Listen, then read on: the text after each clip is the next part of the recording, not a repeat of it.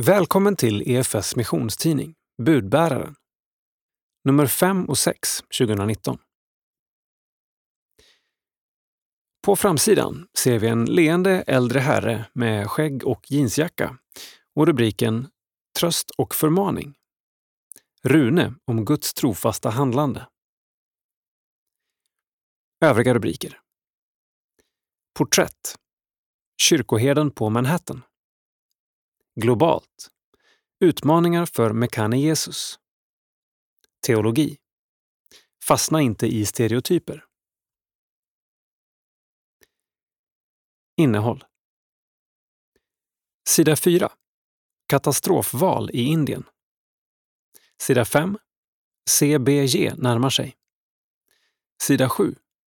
Krönika av Malina Abrahamsson. Citat. I gudstjänsten får vi vila från vår egen strävan, alla krav och storslagna ambitioner. Slutcitat. Sida 8.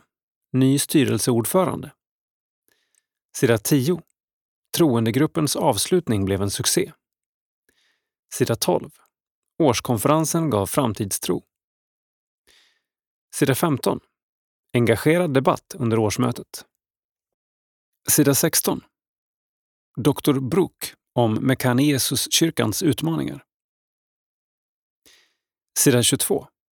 Lina Sandell, vem var hon? Sida 24. Budbäraren möter Rune Månsson. Sida 32. Goda nyheter från Manhattan. Sida 38. Teologisk reflektion. Omgiven av stereotyper. Sida 40. Teologi. Thomas Nygren om Andens frukt. Sida 44. Kyrkohistoria. John Wesley och den kristna fullkomligheten. Sida 48. Kultur. Jazzen sprider ordet. Sida 50. Lästips. Boktips och recensioner. Sida 54. Info. Nytt och aktuellt inom EFS och SALT. Sida 60. EFS distrikt Västsverige. Sida 62. EFS distrikt Sydöstsverige. Sida 65. SALT. Ibland behöver man gå in två gånger. Krönika av Charlotta Nordström. Sida 3. Ledare. Den tunna vita linjen. Jag tror att vi är mer beroende än vi alltid förstår av de vita väglinjer som skiljer inte bara körfilerna från varandra utan som även markerar vägrenen och diket här utanför. Alla som kört bil på natten längs en mörk landsväg utan mittlinje eller sidomarkeringar vet vad jag talar om. Utan tydliga linjer i vägen är det lätt att hamna helt fel och risken ökar ju fortare det går. Just vägen är antagligen den vanligaste metaforen för livet i allmänhet och det kristna livet i synnerhet. Och de flesta har nog hört skämtet att vi kristna bara befinner oss mitt på vägen när vi är på väg från ena diket till det andra. Något att skratta åt, men om det är sant så är det djupt tragiskt. Jag tänker att det evangelium vi är satta att förvalta fungerar som väglinjer i det kristna livet. Budskapet om lag och evangelium är en tydlig mittlinje. Dikena kan heta billig nåd och lagiskhet. Man kan också beskriva dikena som en nåd utan omvändelse och i andra diket fariseism och hyckleri. Eller ännu tydligare kan ett dike beskrivas med det som populärt kallas moralistisk terapeutisk deism. Den alltmer vanliga uttolkningen av kristen tro brukar sammanfattas i fem satser. 1. En gud har skapat och organiserat världen och håller uppsikt över människornas liv på jorden. 2. Gud vill att människorna ska vara goda, snälla och schyssta mot varandra, så som det undervisas i Bibeln och i de flesta världsreligioner. 3. Det centrala livsmålet är att bli lycklig och trivas med sig själv. 4. Gud behöver inte ha särskilt mycket att göra med ens liv, förutom när Gud behövs för att lösa ett problem. 5. Snälla människor kommer till himlen efter döden.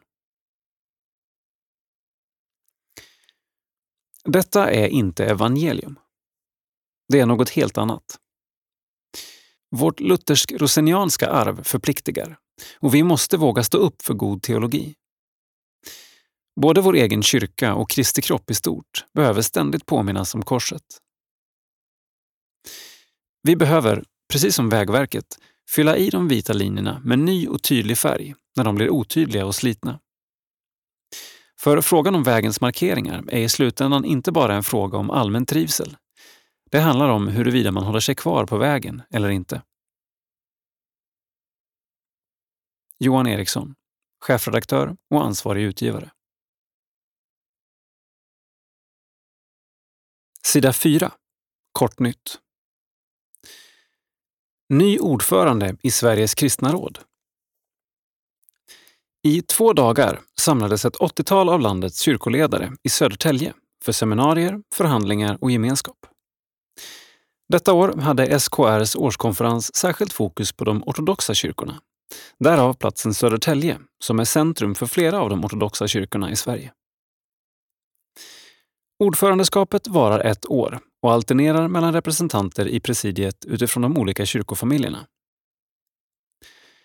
Genom att kyrkoledarna turas om att leda vårt arbete skapas engagemang, delaktighet och ansvar, vilket ökar inflytandet och ger god kunskap om varandra, säger Karin Wiborn, generalsekreterare för Sveriges kristna råd. Utöver detta valdes pingstföreståndare Daniel Alm in i presidiet som representant för frikyrkorna.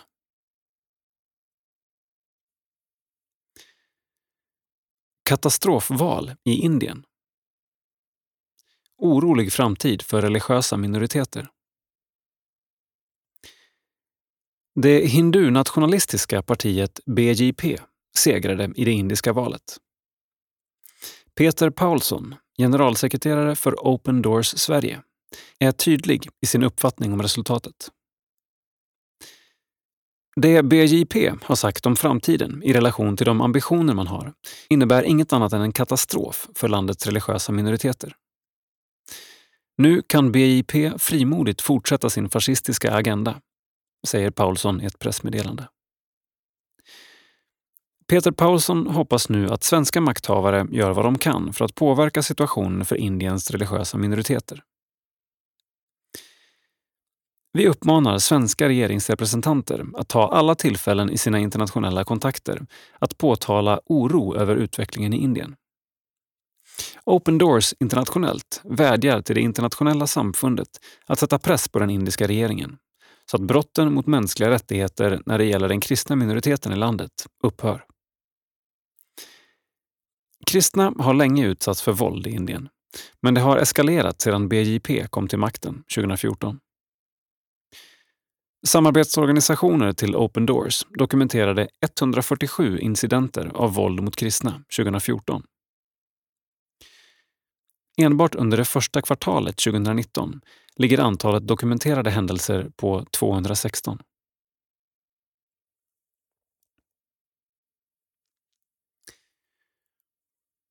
Årets CBG närmar sig.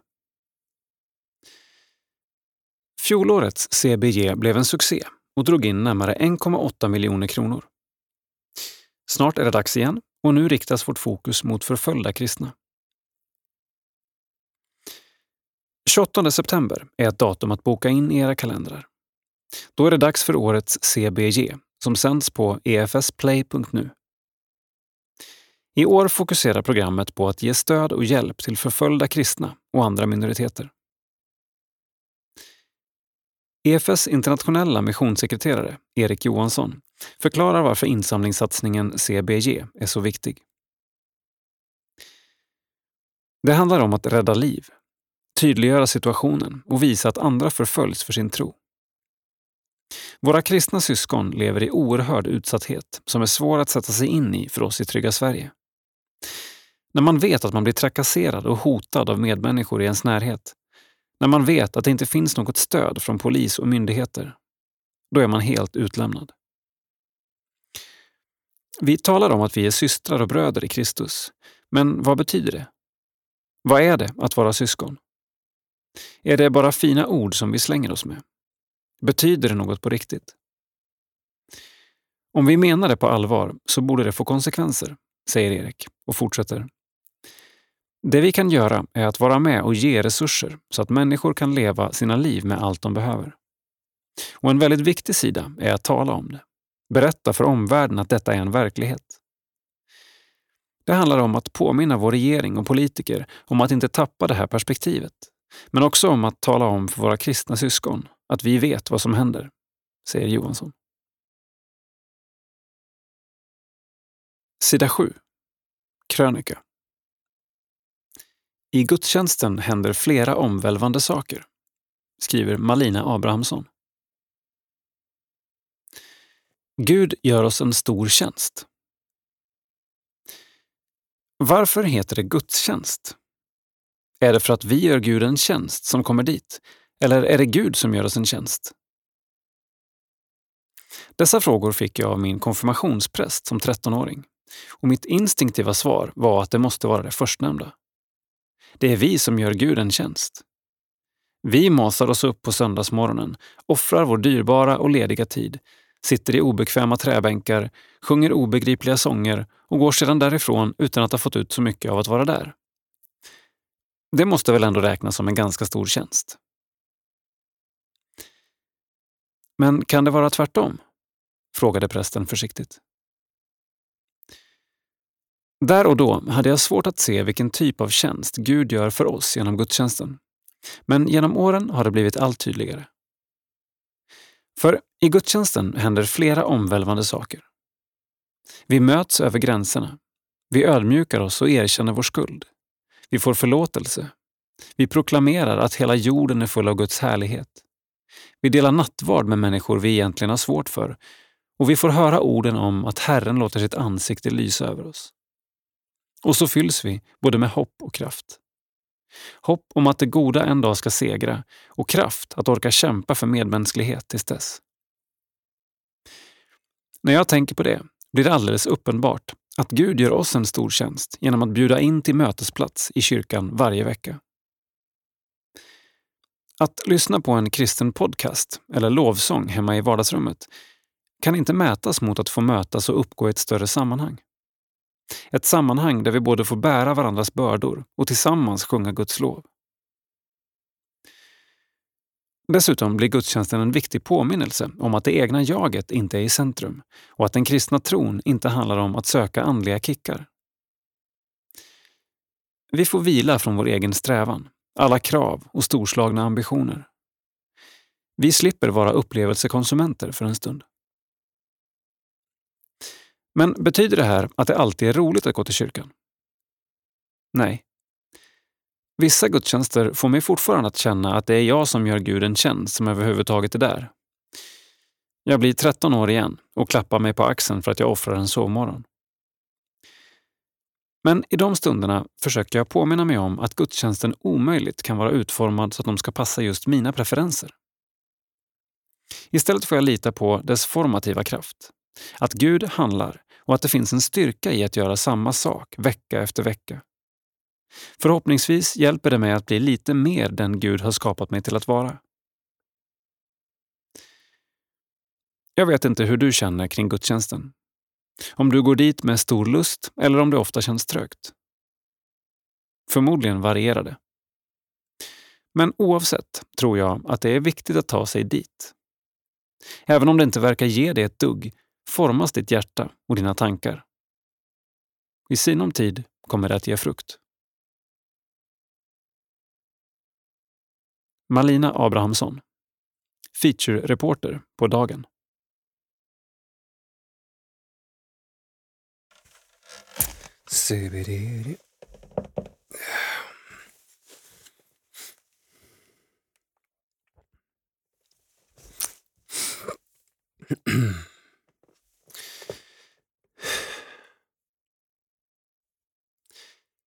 Sida 8.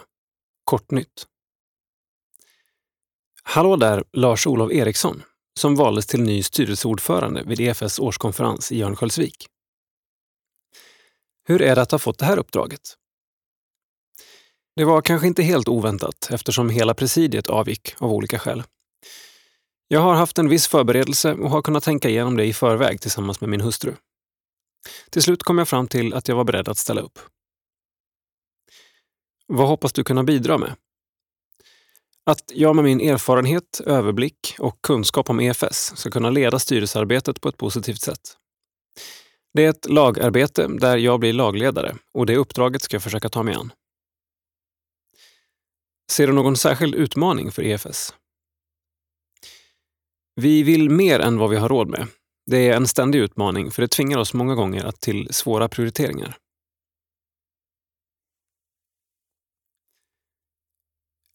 Konferens med omvärldsbevakning i fokus. Ett 50-tal EFS-are fylldes med inspiration.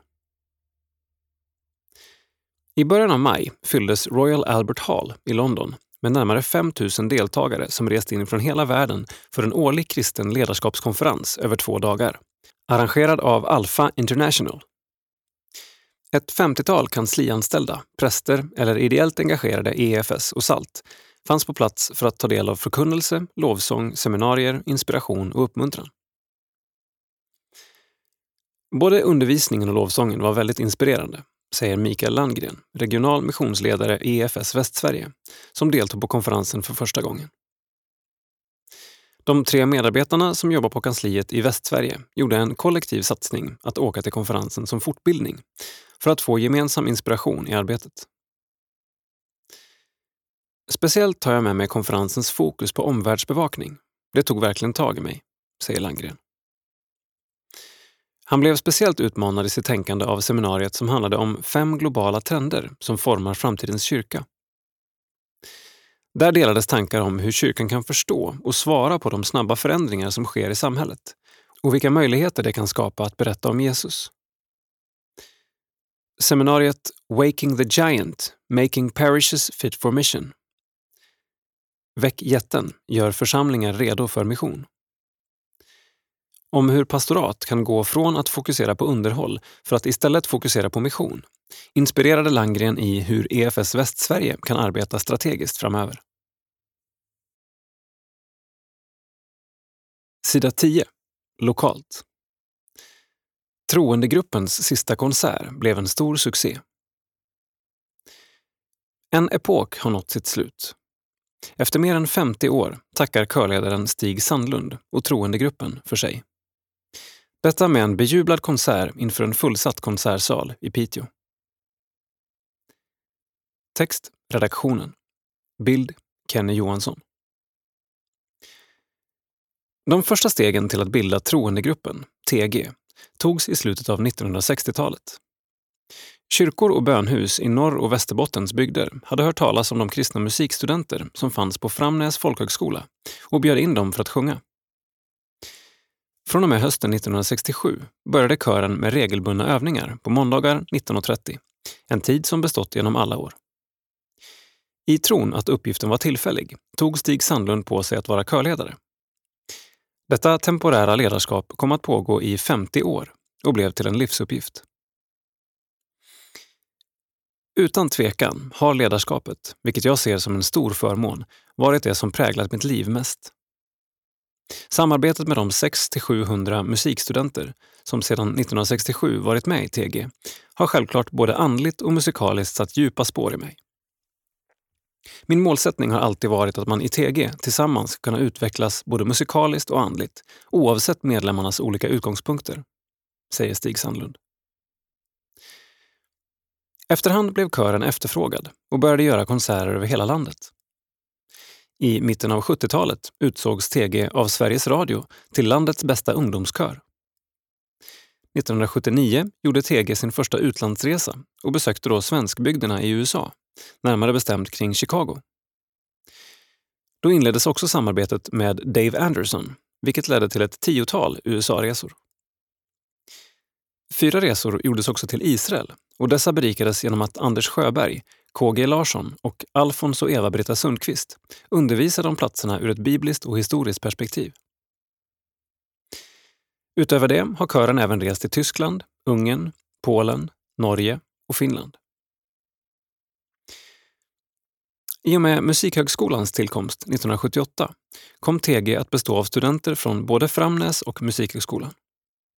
Kören har ofta koncerterat både i Svenska kyrkan och i olika frikyrkor. Musikstilen har varierat, men den klassiska musiken har alltid varit kärnan. Större verk tillsammans med Skellefteå kammarorkester och solister har även framförts, som Juloratoriet och Johannespassionen av Johann Sebastian Bach och Händels Messias. Elva skivor har spelats in under åren. Den första, Det angår dig, kom redan 1969. Under sommaren 2018 fattade Stig Sandlund beslutet att kliva av från uppdraget som troende gruppens ledare. Men kring julen 2018 fick han en fråga från Marcus Olsson, som samtidigt var ett generöst erbjudande. Han undrade om vi kunde arrangera en TG-återträff i maj. Efter några dagars funderande stod det klart för mig att ett tydligt avslut vore bra. Marcus själv skulle projektleda återträffen och stå för allt det praktiska, säger Stig och tillägger ett stort tack till Marcus. Till återträffen helgen 25-26 maj samlades hela 220 före detta TGR. Lördagen bestod av repetitioner och middag på kvällen där det gavs tillfälle att minnas och berätta. Söndagen bestod av konsert inför 550 personer i Piteås stora konsertsal Studio Acusticum. Efter extranumret En vänlig grönskas rika dräkt följde en spontanversion av Välsignelsen. Detta blev verkligen ett värdigt avslut på Stigs livsverk. Hela helgen var ett starkt vittnesbörd om vad TG har betytt för många människor. Inte bara musikaliskt, utan också som gemenskap där man delar tro. För mig som kom till en ny stad blev TG lite som en andra hemförsamling under studietiden, säger Marcus Olsson. Till sist vill Stig också tacka sin hustru Lena och de fyra barnen som varit bollplank och ständigt stöttat honom. Han riktar också ett oändligt stort tack till alla TG-are genom åren. Sida 12. Årskonferens. En årskonferens fylld av framtidstro. Delat årsmöte, dubbla kvällsgudstjänster, fokus på vardagsevangelisation och sången Jesus till alla. Så kan EFS årskonferens i Örnsköldsvik summeras. Vi har utmanats av temat Först måste evangeliet förkunnas för alla folk, säger Mikael Artursson. Text och bild Jakob Arvidsson. Samtidigt som lovsången var mitt i sitt esse under årskonferensens avslutande sändningsgudstjänst intog Barnens konferens scenen. Med framträdandet av sången Jesus till alla, nyskriven till konferensen av Susanne Artursson, skärmade barnen den fullsatta kyrkan totalt. Det var häftigt att barnen fick vara med och sända oss. Det blev en värdig punkt för konferensen, som överlag hade en väldigt god anda över sig. Jag mötte mycket tacksamhet och glädje både från konferensgäster och alla underbara volontärer. Gudsnärvaron var påtaglig. Säger Mikael Artursson, missionsledare för EFS Mittnorrland. Den inbjudne gästen Arne G Skagen, författare och evangelist från Norge, höll två predikningar och ett bibelstudium med temat att vardagsevangelisation är något för alla. Arnes ton och budskap passar otroligt bra in i vår rörelse. Vi påmindes om att vi har ett vardagsmissionsfält i Sverige och det behöver inte vara så omständigt att ta sig an det som vi tror, säger Artursson. Pingstkyrkan var huvudlokal för konferensen och intill den ligger EFS-kyrkan där Barnens konferens höll till. Vi har haft det fantastiskt och våra barnmöten blev över förväntan. Jag känner en otroligt stor tacksamhet till alla duktiga ledare. Det är redan flera som har hört av sig om att få sången Jesus till alla till sitt lokala sammanhang. Säger Nanne Näslund, en av de ansvariga för Barnens konferens. Drygt 90 ungdomar deltog i den nya satsningen med ett lärjunga och evangelisationsspår. Målet med spåret var att deltagarna skulle förstå vikten av att leva med Guds ord och uppleva den helige Ande.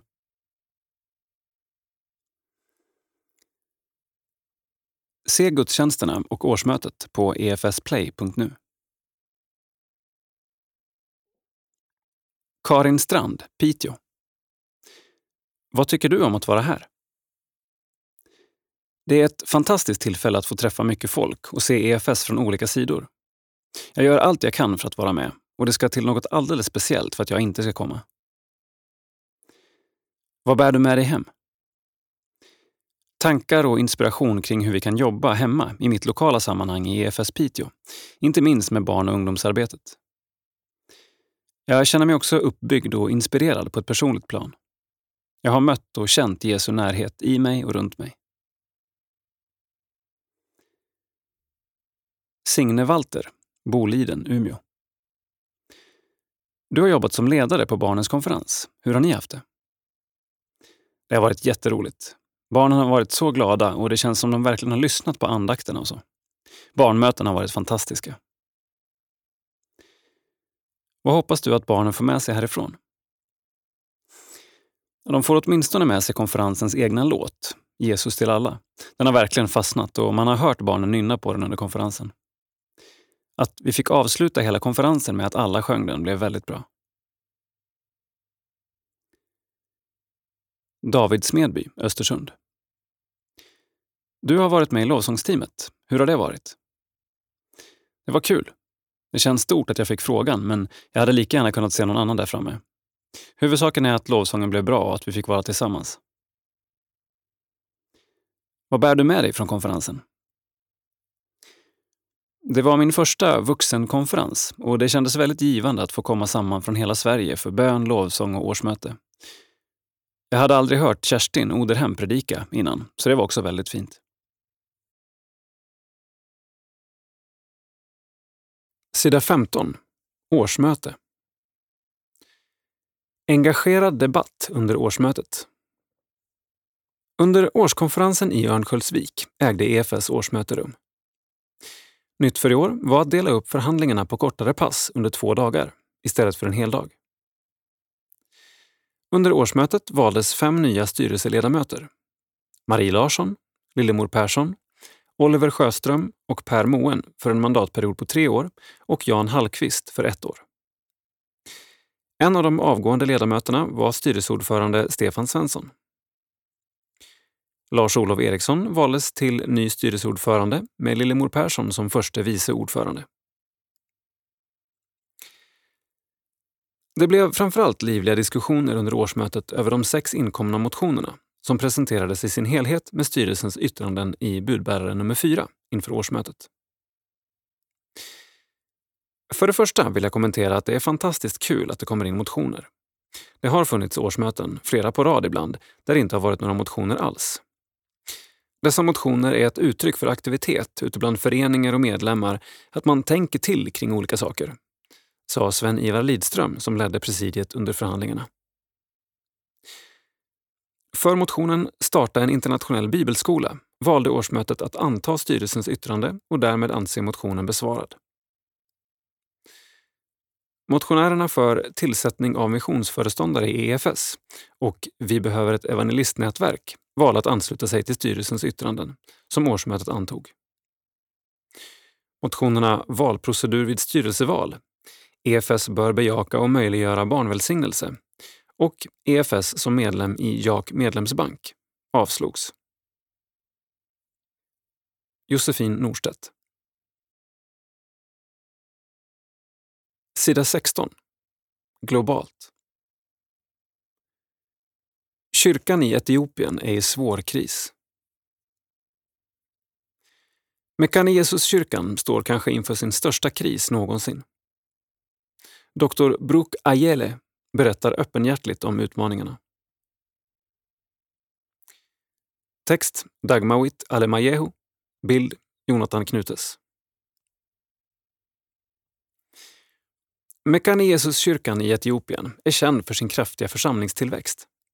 Idag är det en av världens största lutherska kyrkor med närmare 10 miljoner medlemmar. Men när Dr. Bruk Ayele, rektor för kyrkans teologiska seminarium, gästade EFS årskonferens i Örnsköldsvik hade han med sig ett allvarligt och omskakande budskap. Kyrkan har misslyckats att hitta sin plats inom den positiva förändringsprocess av samhället som äger rum i Etiopien tack vare premiärminister Abiy Ahmed, säger rektorn på seminariet. Sedan den kristna premiärministern Abiy Ahmed kom till makten i Etiopien 2018 har den ena reformen avlöst den andra. Ärkefienderna Etiopien och Eritrea har slutit fred. Politiska fångar har släppts fria. Hälften av ministrarna i Etiopiens nya regering är kvinnor och landet har fått sin första kvinnliga president. Dr Abiy Ahmed förespråkar fred, försoning, kärlek och enhet. Ett budskap som han öppet erkänner kommer från hans evangeliska identitet. Mekanesus i Etiopien, en kyrka som EFS har grundat, har däremot sett en nedåtgående kurva i utvecklingen på samtliga plan, menar Dr. Bruk Ayele.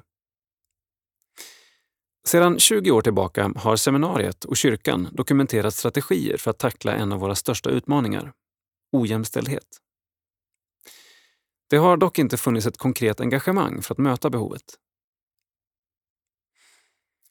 När Dr. Ayele blev vald till rektor för seminariet 2016 mötte han en församling och en fakultet i djup kris. Han ägnade därför ett år åt att identifiera problemen och upptäckte oroväckande statistik.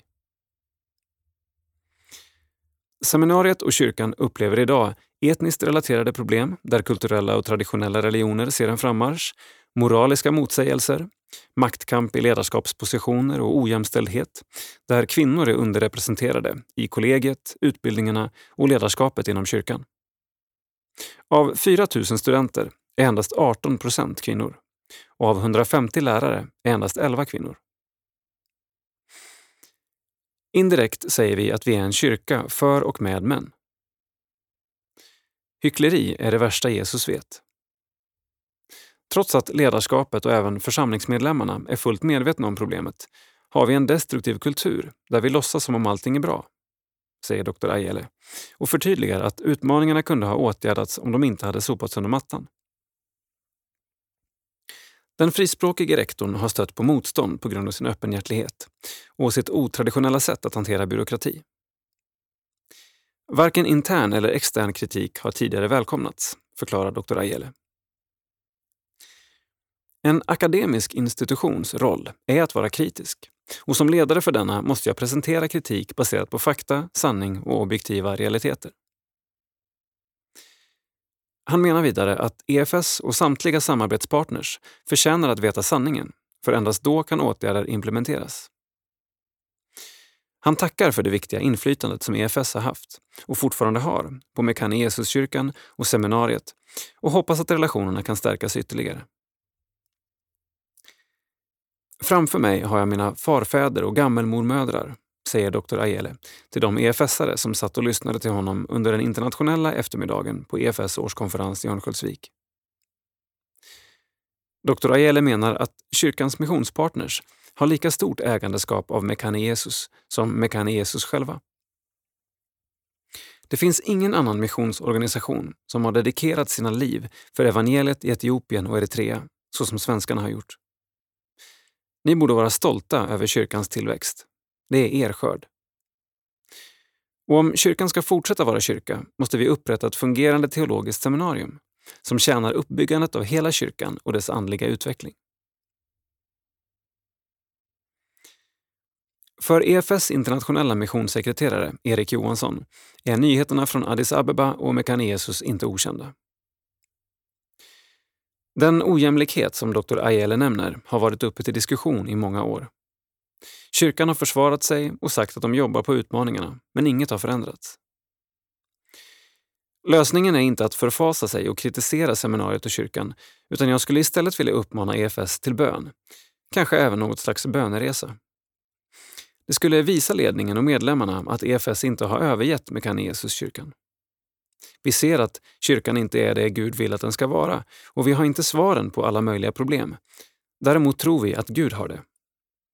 Kyrkan är byggd på svenska missionärers och etiopiska medlemmars liv och blod.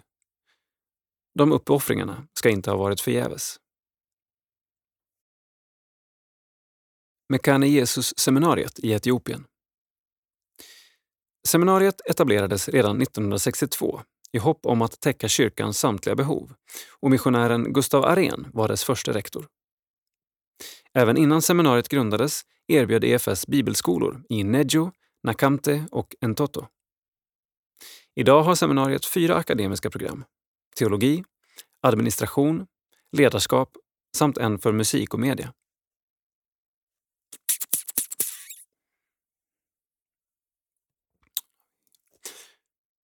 Etiopien Statsskick Premiärminister Abiy Ahmed 2018.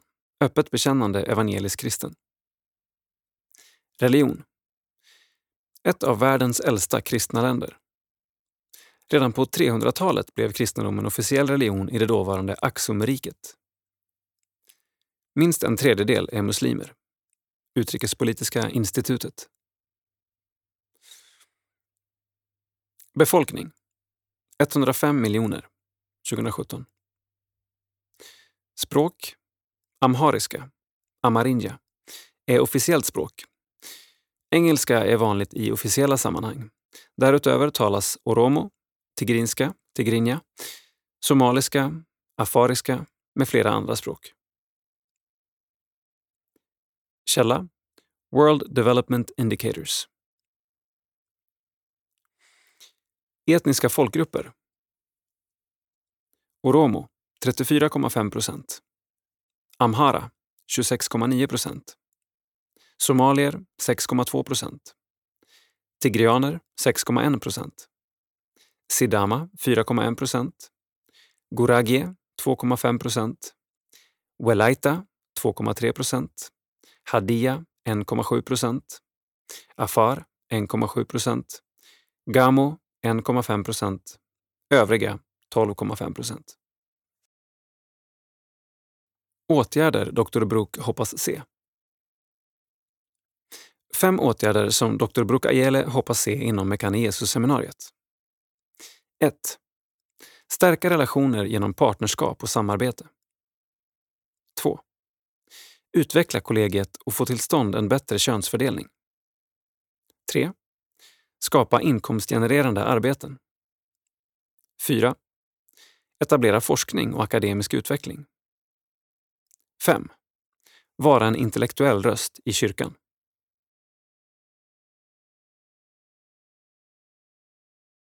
Sida 22. Vignett. Lina Sandell. Sveriges utan tvekan mest älskade psalmförfattare genom tiderna. Många är de gudstjänster, dop och begravningar som innehållit någon av hennes psalmer. Totalt skrev och översatte hon närmare 2000 andliga sånger och dikter. Vem var hon? Tidslinje 1832 Född i Fröderyd socken i Småland, där hennes pappa Jonas året innan hade blivit kyrkoherde. Carolina Wilhelmina blev hennes namn, men vi känner henne som Lina. 1843. Som tioåring insjuknade hon i tyfus och föräldrarna trodde att hon skulle dö. Hon överlevde men förblev sängliggande i ett år. Pappans böcker blev hennes närmaste vänner. Hon läste mycket och skrev små dikter och verser. 1850 som 17-åring var hon ute på tomten och såg hur en liten fågel, som var jagad av en stor rovfågel, flög mot ett träd och fick skydd inne i lövverket. Den händelsen födde en av hennes mest älskade sånger. Tryggare kan ingen vara. 1856 Lina började sända in dikter och sånger till den nybildade Evangeliska Fosterlandsstiftelsen. De var enbart signerade från en prästdotter i Småland. Budbärarens redaktör, Wadström, behövde ha hennes namn under texterna. Lina tyckte det var helt onödigt, men redaktören insisterade. Kompromissen blev att han fick sätta LS under sångerna, vilket blev en av Sveriges mest kända signaturer. 1858 När Lina är 26 år drunknar hennes pappa tragiskt i en båtolycka på Vättern. Det här var förstås en chock och nu blev det en tung tid för Lina.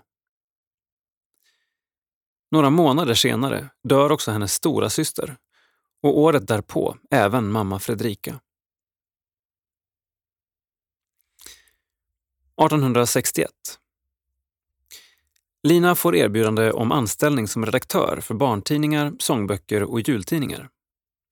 Det var ett djärvt erbjudande av EFS, för på den här tiden arbetade ju inte kvinnor annat än som pigor och möjligen småskollärare. Med bävande hjärta tackade hon ja och flyttade upp till Stockholm där det vid den här tiden bodde 100 000 människor. 1867 gifter hon sig med köpmannen och lekmannapredikanten Oskar Berg. Han hade länge varit förtjust i Lina, men hon var tveksam. För henne var Jesus den stora kärleken. Efter ett par års uppvaktning gifte sig paret 1867 nere i Småland. De vigdes av Linas bror Nils Johan. Karl Olof och Agata Rosenius var två av gästerna. 1882. Lina började samla ihop sina sånger som spridits åt många håll. Böckerna fick titeln Samlade sånger och utkom i tre band, 1882 till 1892. De innehöll totalt 656 sånger. 1903. Efter ett par års sjukdom somnade Lina in en julidag, 70 år gammal. Begravningen hölls i Solna kyrka och leddes av hennes äldste vän, prästen och budbärarens första redaktör, Bernhard Wadström. Mer än tusen personer kom till begravningen, så alla rymdes inte i kyrkan.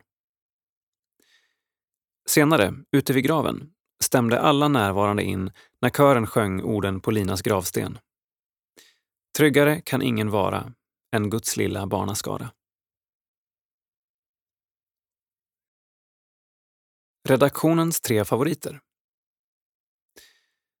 Psalm 249. Blott en dag. Blott en dag, ett ögonblick i sänder. Vilken tröst, vad en som kommer på. Allt ju vilar i min faders händer. Skulle jag som barn väl ängslas då? Han som bär för mig en faders hjärta, han ju ger åt varje nyfödd dag. Dess beskärda del av fröjd och smärta, möda, vila och behag. Psalm 248. Tryggare kan ingen vara. Tryggare kan ingen vara än Guds lilla barnaskara. Stjärnan ej på himlafästet, fågeln ej i kända nästet. Psalm 190. Bred dina vida vingar. Bred dina vida vingar, o Jesus, över mig och låt mig stilla vila i ve och väl hos dig. Bliv du min ro, min starkhet, min visdom och mitt råd. Och låt mig alla dagar få leva av din nåd.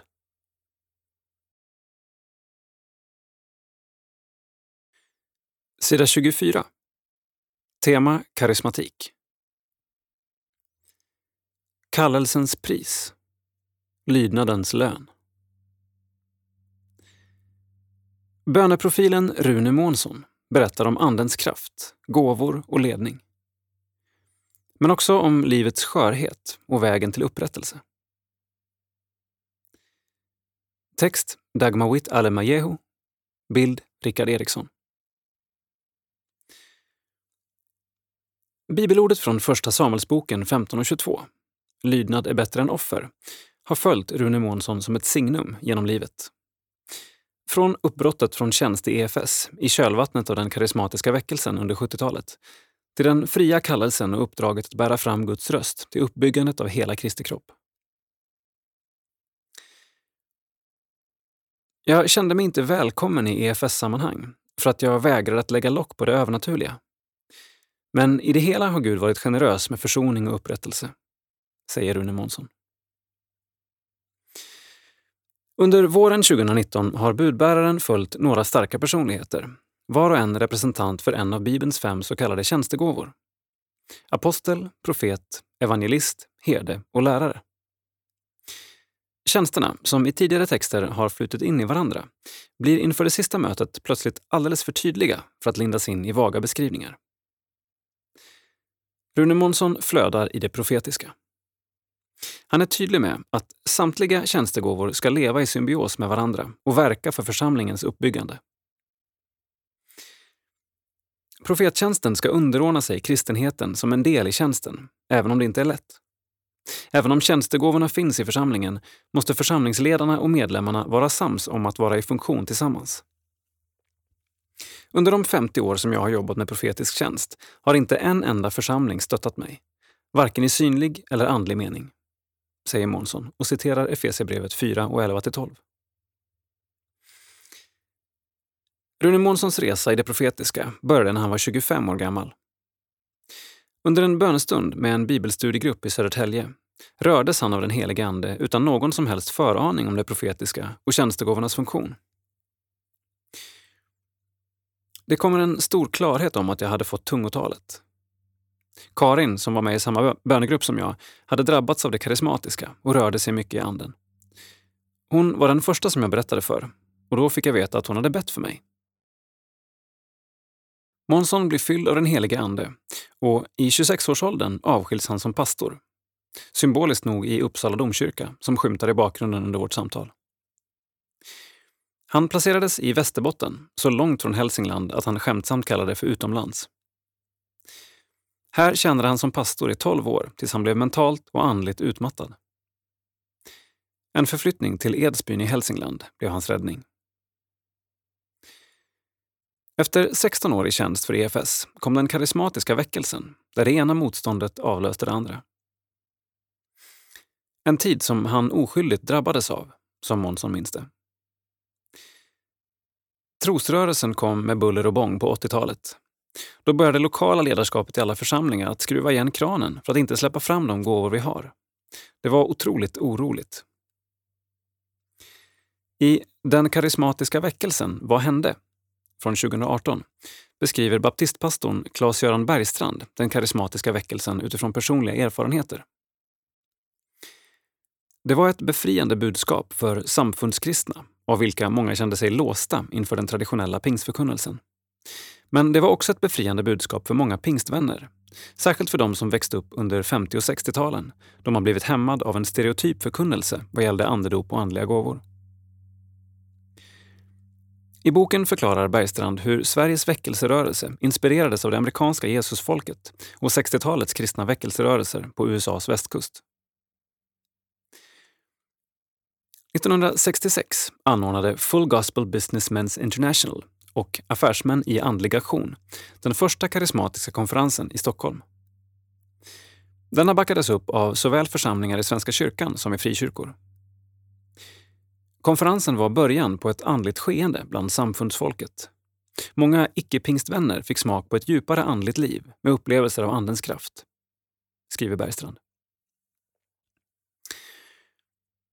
Månsson nämner bland annat pingströrelsens ledare Levi Petrus med stark förankring i 60-talets amerikanska väckelse som en viktig länk och en av de ledande gestalterna under perioden. Inte minst som en tydlig och typisk profet. För Månsson själv mynnade perioden ut i ett vägval mellan lydnad och offer. Det blev en kamp just för att jag fått något som gåva, levt i den i 16 år och sett hur Gud använder den. Helt plötsligt uppmanar mina kollegor mig att stänga luckan och det orkade jag inte, för det kändes som olydnad gentemot Gud. Det hela ledde till en infekterad diskussion och ett samtal med den lokala föreningens ordförande som å hela föreningens vägnar tyckte att det var bäst att Månsson lämnade sin tjänst. Jag var inte välkommen i mitt EFS-sammanhang för att jag vägrade att lägga lock på det övernaturliga. Jag har alltid vandrat i udda beslut som inte hör hemma i rörelsen. Efter 16 år i tjänst för EFS blev jag till slut ställd åt sidan, utan lön. Trosrörelsen utarmades lika snabbt som den bröt ut och tiden som följde präglades av ensamhet och ekonomiska svårigheter för Månsson.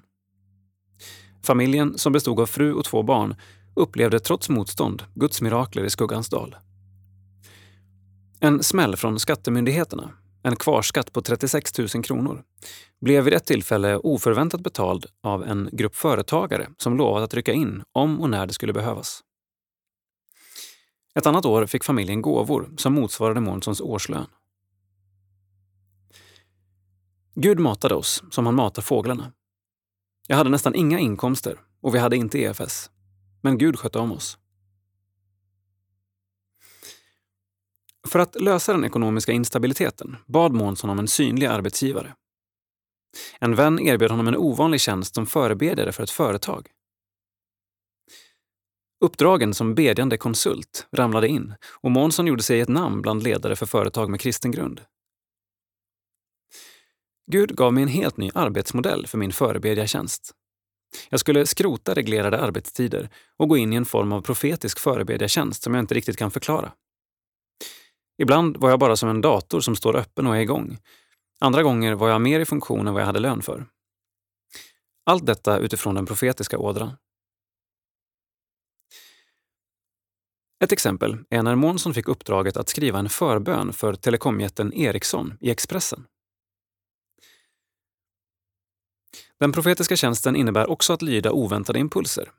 Exempelvis att sätta sig i en bil och åka flera mil ovetande om målet för att be för en totalt okänd man. Eller att hamna i en bibelstudiegrupp mitt på hissingen och be frälsningsbönen med en kvinna som förlorat sin mamma i Estonia-olyckan som barn. Allt detta utifrån en syn som Gud visat, berättar Månsson. Att se en människa läkas och upprättas, det är något vackert i det.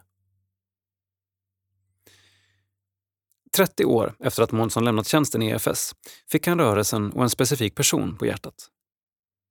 Det var början på en försoningsprocess och ett tecken på Guds humor, förklarar han. Gud kopplar mig hela tiden med ledare som jag ska be för. Och Kerstin Oderhem är ett sådant fall. När hon arbetade i Sydöstsverige ringde jag henne och sa att jag ville träffas. Jag hade ett märkligt ärende, men hon var beredd på det. Månssons budskap till Oderhem visade sig vara en bekräftelse på de val och beslut som hon stod inför.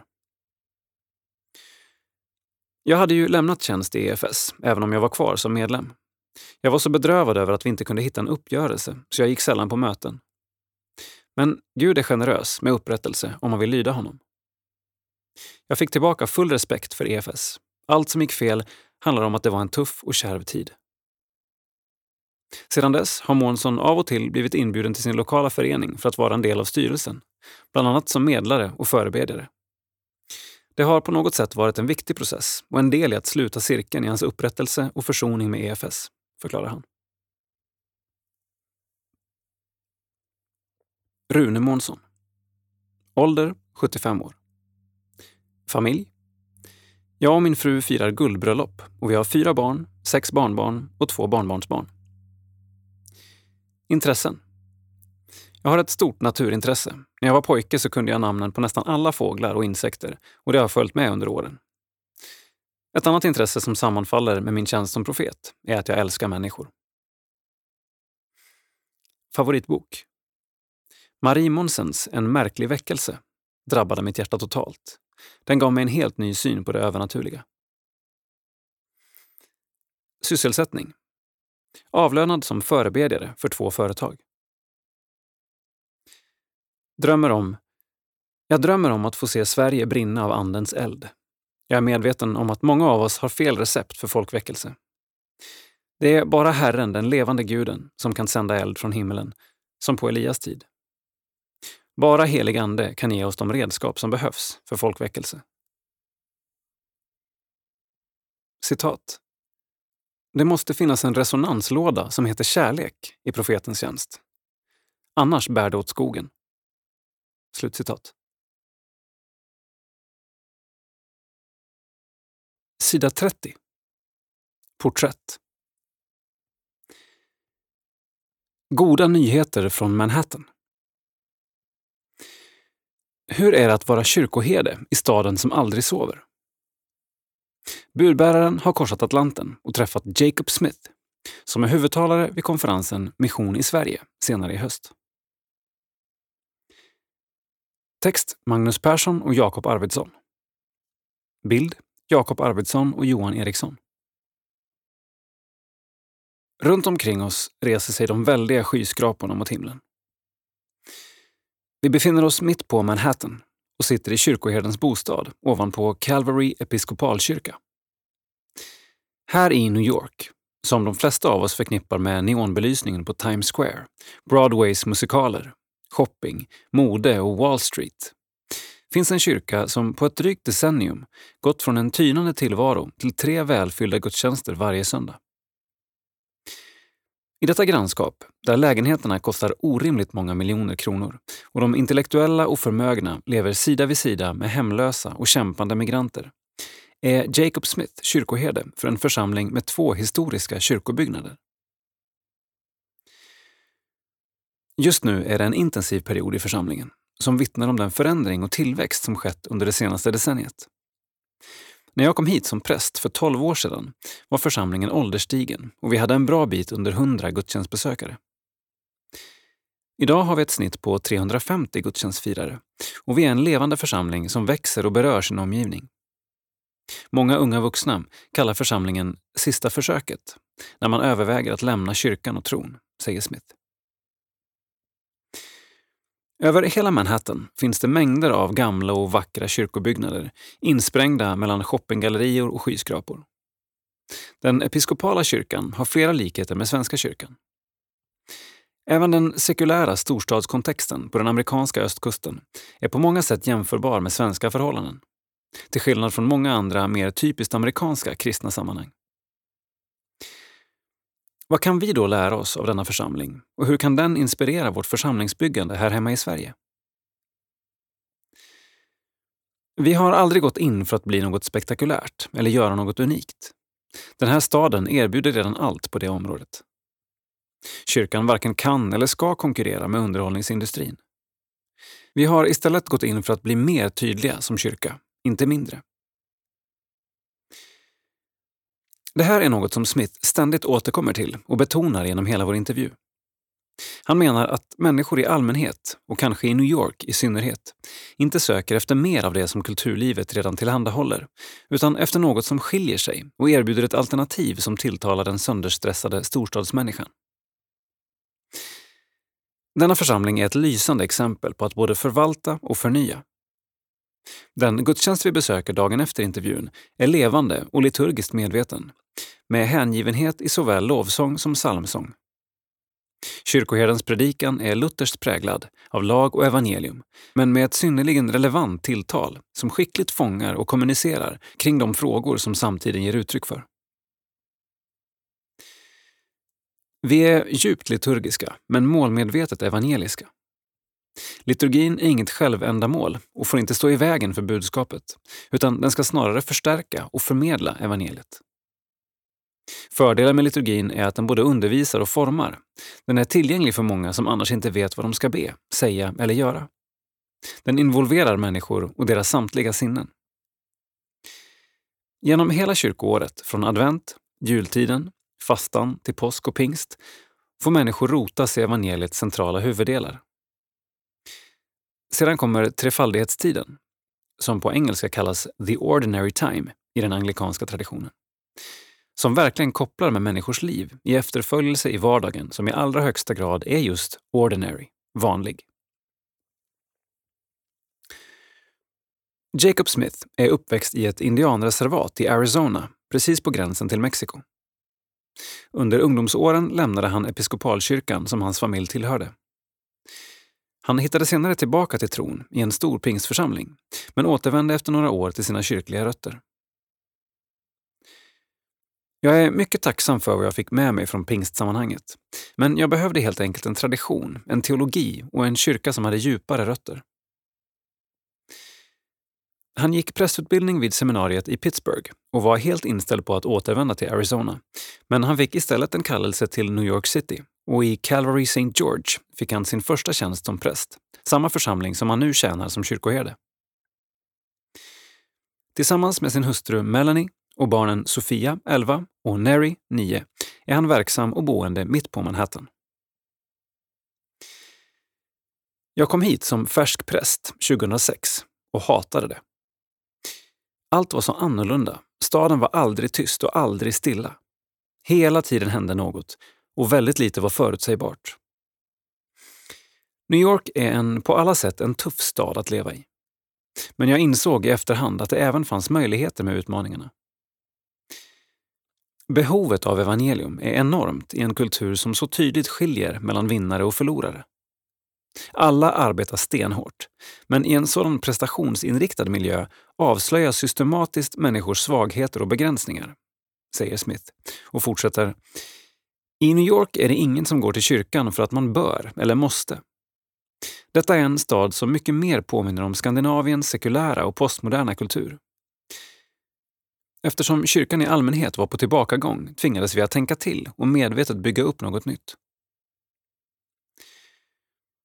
Han beskriver att frestelsen är stor för många i det läget att försöka göra kyrkan mer tillgänglig genom att förändra kyrkans form och språk. Pressen att överleva kan leda till att man överger kyrkans centrala budskap och kännetecken. Mönstret för den växande kyrkan i apostlagärningarna är att stå fast vid den apostoliska traditionen med evangelium genom ordet och sakramenten i centrum, ett rikt böneliv och en prioritering av gemenskapen. Sedan får Gud ge växten. Vi är alltför upptagna med det horisontella planet, människa till människa. Våra gudstjänster följer en traditionell liturgi som förmedlar den vertikala dimensionen, Gud till människa. Vi ber inte om ursäkt för att vara kyrka, en plats där den treenige guden står i centrum och räcker oss sina gåvor. Det skapar både en trovärdighet och en trygghet. Människor som besöker oss har ofta prövat allt annat. När de väl kommer till kyrkan vill de höra ifrån Gud och möta Gud. Den unge kyrkoherden på Manhattan påminner oss om att det är samma medel som vi drar folk till kyrkan med som vi måste använda för att få dem att stanna i kyrkan. Att locka folk en och annan gång till kyrkan kan vem som helst göra med lite kreativitet. Men att bygga en levande församling kräver kontinuitet. Han minns ett lunchsamtal med en kollega från en annan kyrkotradition som beklagade sig över att det mest krävande för honom var att ständigt komma på något nytt som kunde dra folk. Risken är att vi skymmer evangeliet genom att istället tala om andra ämnen som kan verka relevanta och intressanta. Men sanningen är att det reformatoriska budskapet om syndernas förlåtelse och befrielse från skuld är något av det mest relevanta som vi någonsin kan tala om. Strävandet efter relevans missar ofta målet.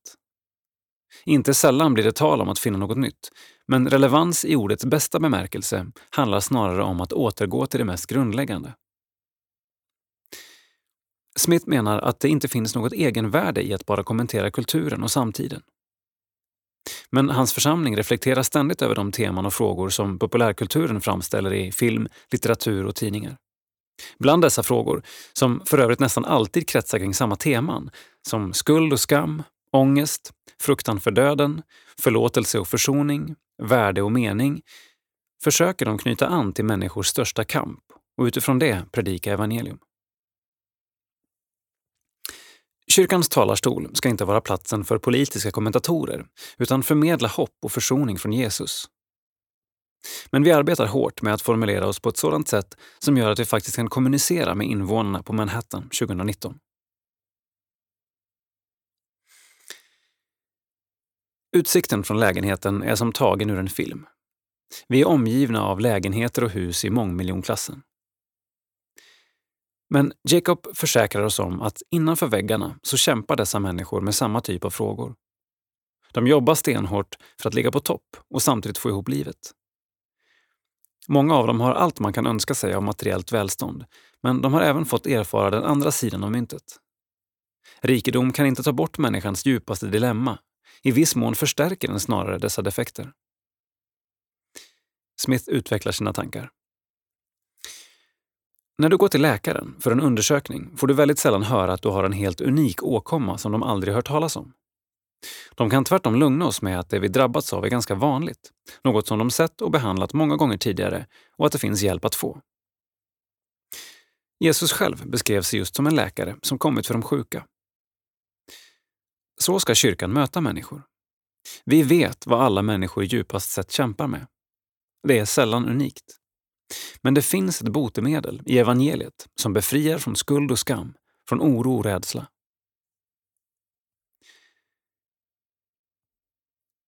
Vi går mot slutet av vår intervju. Smith är inbjuden som huvudtalare vid årets Mission i Sverige-konferens. Vi är nyfikna. Vad är hans främsta budskap till de präster som han kommer att möta i Sverige? Tro det eller ej, men den svenske biskopen Bo Giertz är en av mina stora hjältar.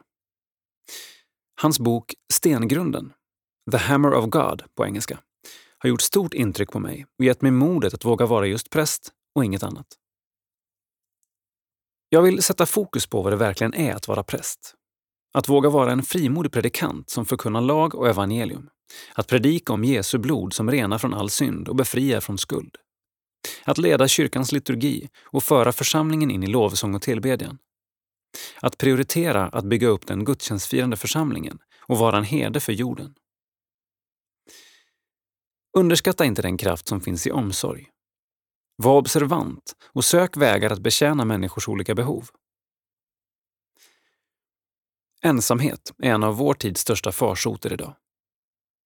Med andra ord så handlar det inte om något nytt, utan om att återerövra de uppgifter som prästen haft inom hela kyrkans historia. Under ytan har människor i hög grad fortfarande samma behov. Vi måste bygga gemenskaper som präglas av nåden, där folk blir villkorslöst inkluderade.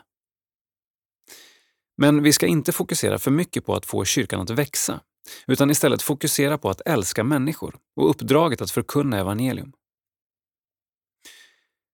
Jag tänker inte minst på Anskar som blev sänd till Sverige som missionär. Han återvände hem utan att ha sett någon större framgång och kände sig misslyckad. När han senare kom tillbaka fanns det kyrkor överallt. Vår främsta kallelse är inte att vara framgångsrika, utan trofasta. Sida 38. Teologisk reflektion. Omgiven av stereotyper. När det gäller Andens gåvor och tjänster menar Magnus Persson att vi bör söka funktionen och frukten snarare än etiketten. Det som står i centrum är inte tjänsten utan evangeliet. Det är den verkliga gåvan. Text Magnus Persson. Illustration Benjamin Kruse. Det har dragit fram en beteendevetarväckelse över vårt land. I enkla men träffande beskrivningar har vi utrustats med redskap för att försöka ta reda på om vi är röda, gula, gröna eller blå. Fenomenet är inte nytt, men har gång på gång återkommit i nya förpackningar. Nu senast genom författaren Thomas Eriksson som skrivit bästsäljaren Omgiven av idioter inom genren självhjälps och populärpsykologi. I boken möter vi profilerna dominant, inspirerande, stabil och korrekt. Nog kan den hjälpa oss att bättre förstå oss själva och andra, men förenklingarna är grova och skapar mallar som varken håller för verkligheten eller vetenskapen. Människors beteenden är mer komplexa än så och är sällan konstanta, utan förändras beroende på kontext. Jag har ibland stött på liknande resonemang när det kommer till synen på andliga nådegåvor och tjänstegåvor. Det finns tendenser att betrakta Paulus listor på gåvor ungefär som vi använder oss av profilerna ovan. Är vi inte försiktiga läser vi in våra moderna tolkningar och bilder i bibelordet som gör evangelisten till en vild säljartyp, herden till terapeut och aposteln till en entreprenör. Vi skapar stereotyper som missar målet. Var Luther herde eller apostel? Rosenius lärare eller evangelist? Eller var de kanske båda profeter? Själva var de främmande för att använda dessa beteckningar. Nog finns det fog för att hävda att deras bestående verk är av apostolisk natur. Men det räcker inte. Deras enorma insats som själavårdare är omvittnad i tusentals brev. Lärargärningen genom förkunnelse i tal och skrift är enorm och antände både reformation och väckelserörelse. Utan överdrifter kan man även kalla deras tjänst för profetisk i ordets absolut bästa bemärkelse. Deras förkunnelse pekade människor tillbaka till Kristus som skriftens stjärna och kärna.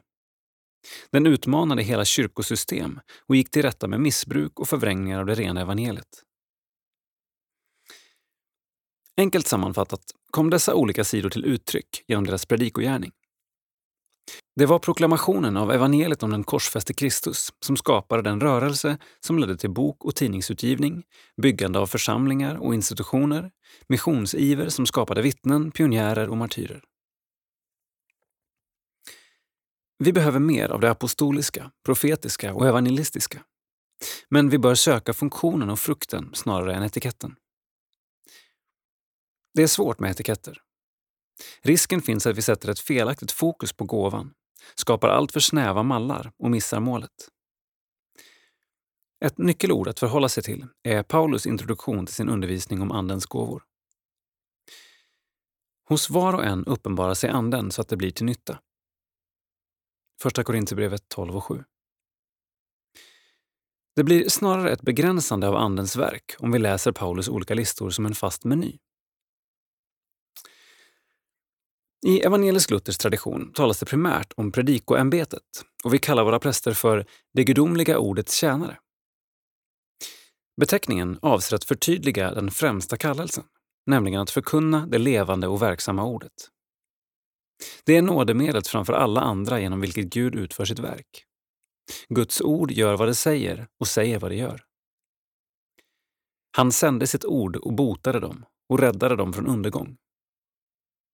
Psalm 107 och 20. När Gud vill handla sänder han därför sitt ord genom en ordets förkunnare. Men hur ska de kunna åkalla den som de inte har kommit till tro på? Och hur ska de kunna tro på den som de inte har hört? Och hur ska de kunna höra om ingen predikar? Och hur ska några kunna predika om de inte blir utsända? Alltså kommer tron av predikan och predikan genom Kristi ord. Romarbrevet 10 och 14-17. Predikan är därför inte en bisak utan en huvudsak. Det finns således ingen sann väckelse eller förnyelse utan ordets förkunnelse. Herren Jesus har sänt oss med uppdraget att förkunna evangelium. Markus 16 och 15. Apostlarna strukturerade sitt arbete så att de helt kunde ägna sig åt bönen och åt ordets tjänst. Apostlagärningarna 6 och 4. Reformatorerna slog fast predikoämbetets primära funktion i våra bekännelseskrifter. För att vi ska få denna tro har evangelieförkunnelsens och sakramentsförvaltningens ämbete inrättats. Genom ordet och sakramenten, såsom genom medel, skänks nämligen den helige Ande, som var och när det behagar Gud verkar tron i dem som hör evangelium. CA, artikel 5. Låt oss därför be om en ny predikantväckelse. Att Gud kallar och utrustar en ny generation med många olika gåvor och tjänster, men som alla frimodigt förkunnar det rena evangeliet. Låt oss inte vara rädda för olika personligheter och uttryckssätt. Vi behöver bejaka, uppmuntra och ta emot de gåvor Gud sänder oss. Men det som står i centrum är inte tjänsten, utan evangeliet. Det är den verkliga gåvan. Det är ordet som behärskar varje ämbete och inte ämbetet som härskar över ordet. Det handlar alltså om ordets ämbete och inte något specifikt ämbetes ord. Låt oss därför inte tjäna gåvorna, utan med våra olika gåvor vara ordets tjänare och bygga upp Kristi kropp.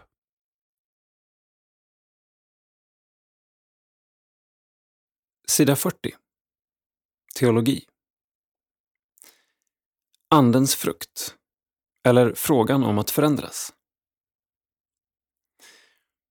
Innan vi kan älska behöver vi själva bli älskade. Det är bakgrunden till att Jesu död på korset inte enbart ger oss förlåtelse, skriver Thomas Nygren.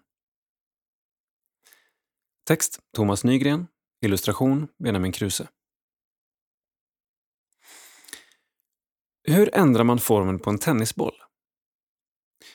Så länge tennisbollen är hel är det nästan omöjligt. Man kan visserligen trycka på den, men så fort man släpper greppet återfår den sin ursprungliga form. Dess form upprätthålls av trycket, krafter, inifrån. Kanske kan man likna de underliggande krafter i våra liv som styr våra förhållningssätt vid trycket i en tennisboll. De är inte lätta att ändra på. Det krävs ett tryck utifrån för att någon förändring ska ske. Men när trycket lättar återkommer det gamla förhållningssättet. I traditionell barnuppfostran har man ofta använt sig av två strategier. Den ena är att försöka skrämma barn från att göra det som är fel. Till exempel genom att säga om du håller på och ljuger kommer du att bli avslöjad och andra kommer att bli arga på dig. Den andra är att vädja till barnets stolthet genom att säga saker som “Inte vill du väl vara som de som ljuger och luras?” Timothy Keller, en amerikansk förkunnare, säger att dessa två strategier, 1. Rädsla för att skämma ut sig och 2. Stolthet, egentligen både utgår från och odlar människans självupptagenhet. När en människa motiverar sitt etiska handlande utifrån självupptagenhet, med rädsla för att råka illa ut och stolthet över att inte tillhöra gruppen som gör fel, som två viktiga drivkrafter, lever hon farligt. Eftersom de drivkrafterna är tveeggade. Om vi frågar oss varför vi till exempel ibland ljuger är svaret ofta att det är just rädsla och stolthet som gör att vi inte vågar låta sanningen avslöja oss. Istället försöker vi rädda ansiktet och komma undan med en lögn. Samma mekanismer som hjälper oss att göra det som är rätt får oss i andra situationer att göra det som är fel. Detta bidrar till att det är så svårt att verkligen ändra sig till det bättre på ett bestående sätt. Bakom alltihop ligger denna efterhängsna självupptagenhet vi bär på och som håller trycket i våra tennisbollar uppe. När vi gjort något som blivit riktigt fel kan vi ibland säga “Jag förstår inte att jag gjorde sådär. Jag blev verkligen inte uppfostrad på det sättet.” Men faktum är att vi ofta blivit uppfostrade just på det sättet. Med rädsla och stolthet som drivkrafter för vårt handlande. Vad är då alternativet? Det är här Andens frukt kommer in. Paulus skriver i Första Korinthierbrevet kapitel 13 till en församling som flödade i kraft och gåvor om en annan väg. Det finns något, kärlek, som överglänser alla gåvor. Verserna 1-2. Inte nog med det. Det är även något som överglänser all etik och även den mest heroiska moral vi som människor kan uppvisa. Vers 3.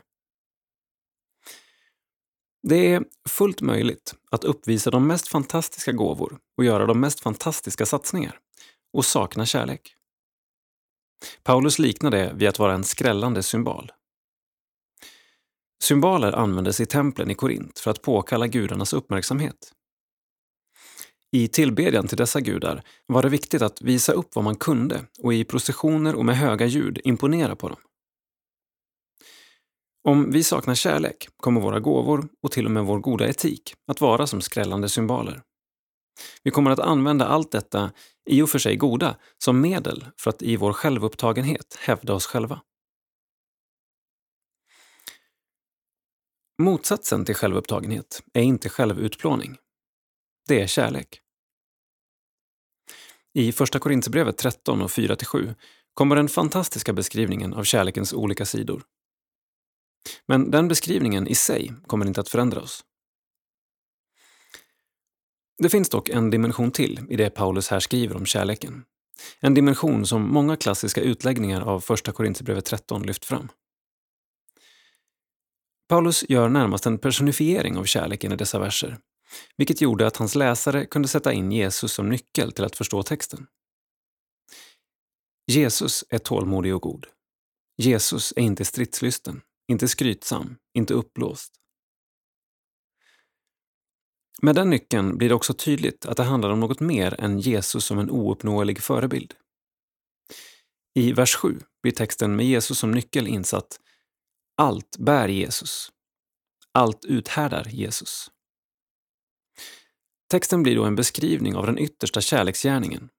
Den Jesus gör när han bär all min synd på korset. När han uthärdar syndens lön döden, för min skull. Vi vet att en baby som växer upp utan kärlek, utan att någon håller den i famnen, utan kramar och kroppskontakt, troligtvis kommer att bära grava känslomässiga störningar hela sitt liv. Om babyn ens överlever. Kärlek lär vi oss bara genom att ta emot kärlek. Innan vi kan älska behöver vi själva bli älskade. Det är bakgrunden till att Jesu död på korset inte enbart ger oss förlåtelse.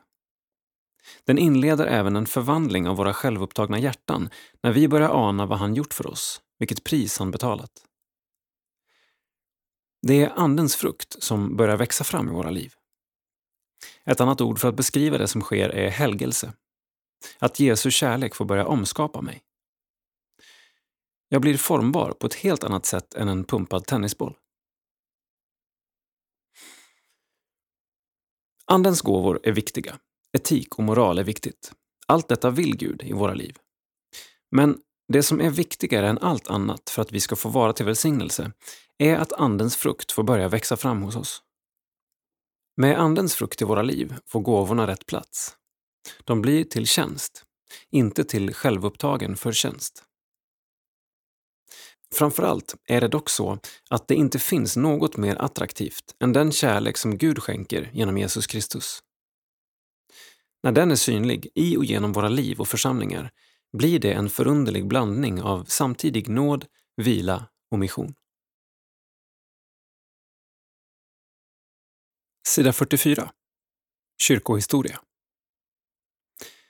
John Wesley och den kristna fullkomligheten.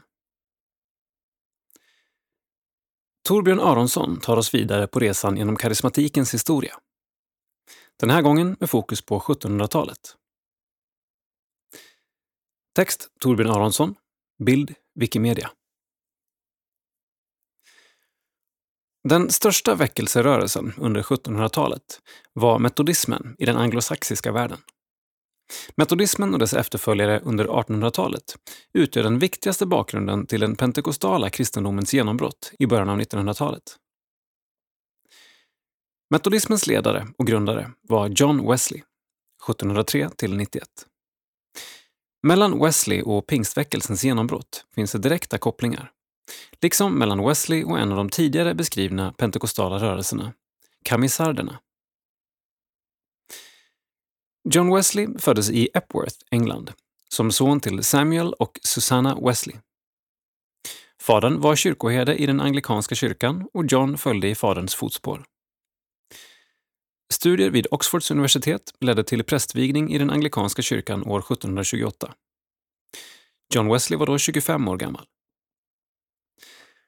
Under studietiden grundade han och brodern Charles en studentförening som av andra studenter fick öknamnen Den heliga klubben, eller Metodisterna, eftersom de skapade ett program, en metod, för sitt gemensamma kristna liv. Varje kväll möttes de till bön och bibelstudier. De fastade regelbundet och en gång i veckan gick de till en nattvardsgudstjänst och besökte fångar och sjuka. Detta disciplinerade andliga liv gav inte John Wesley den frid och gudsnärvaro som han sökte. Däremot formades under uppväxten och studietiden ett synsätt på livet som troende som Wesley skulle bära med sig i fortsättningen.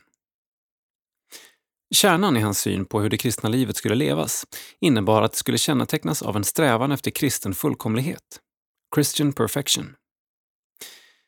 Detta synsätt underbyggdes genom studier av andaktslitteratur med katolsk orientering. Författare som påverkade honom var den katolske munken Lorenzo Scopoli, 1530 till 1610, anglokatoliken Jeremy Taylor, 1613 till 67, Rule and Exercises of Holy Living and Dying, medeltidsmystikern Thomas A. Kempis och den samtida mystikt orienterade William Law, 1681 till 1761. Wesley menade själv att han mellan 1725 och 1730 kommit fram till den syn på kristen fullkomlighet som han sedan skulle predika under sitt långa liv. Vad Wesley fick från dessa katolska mystiker var en tro på tillväxt i helgelsen genom andlig disciplin. Målet för denna tillväxt var fullkomlighet, perfection. I skriften A Plain Account of Christian Perfection från 1777 då han var 74 år, summerar Wesley sin undervisning på detta område.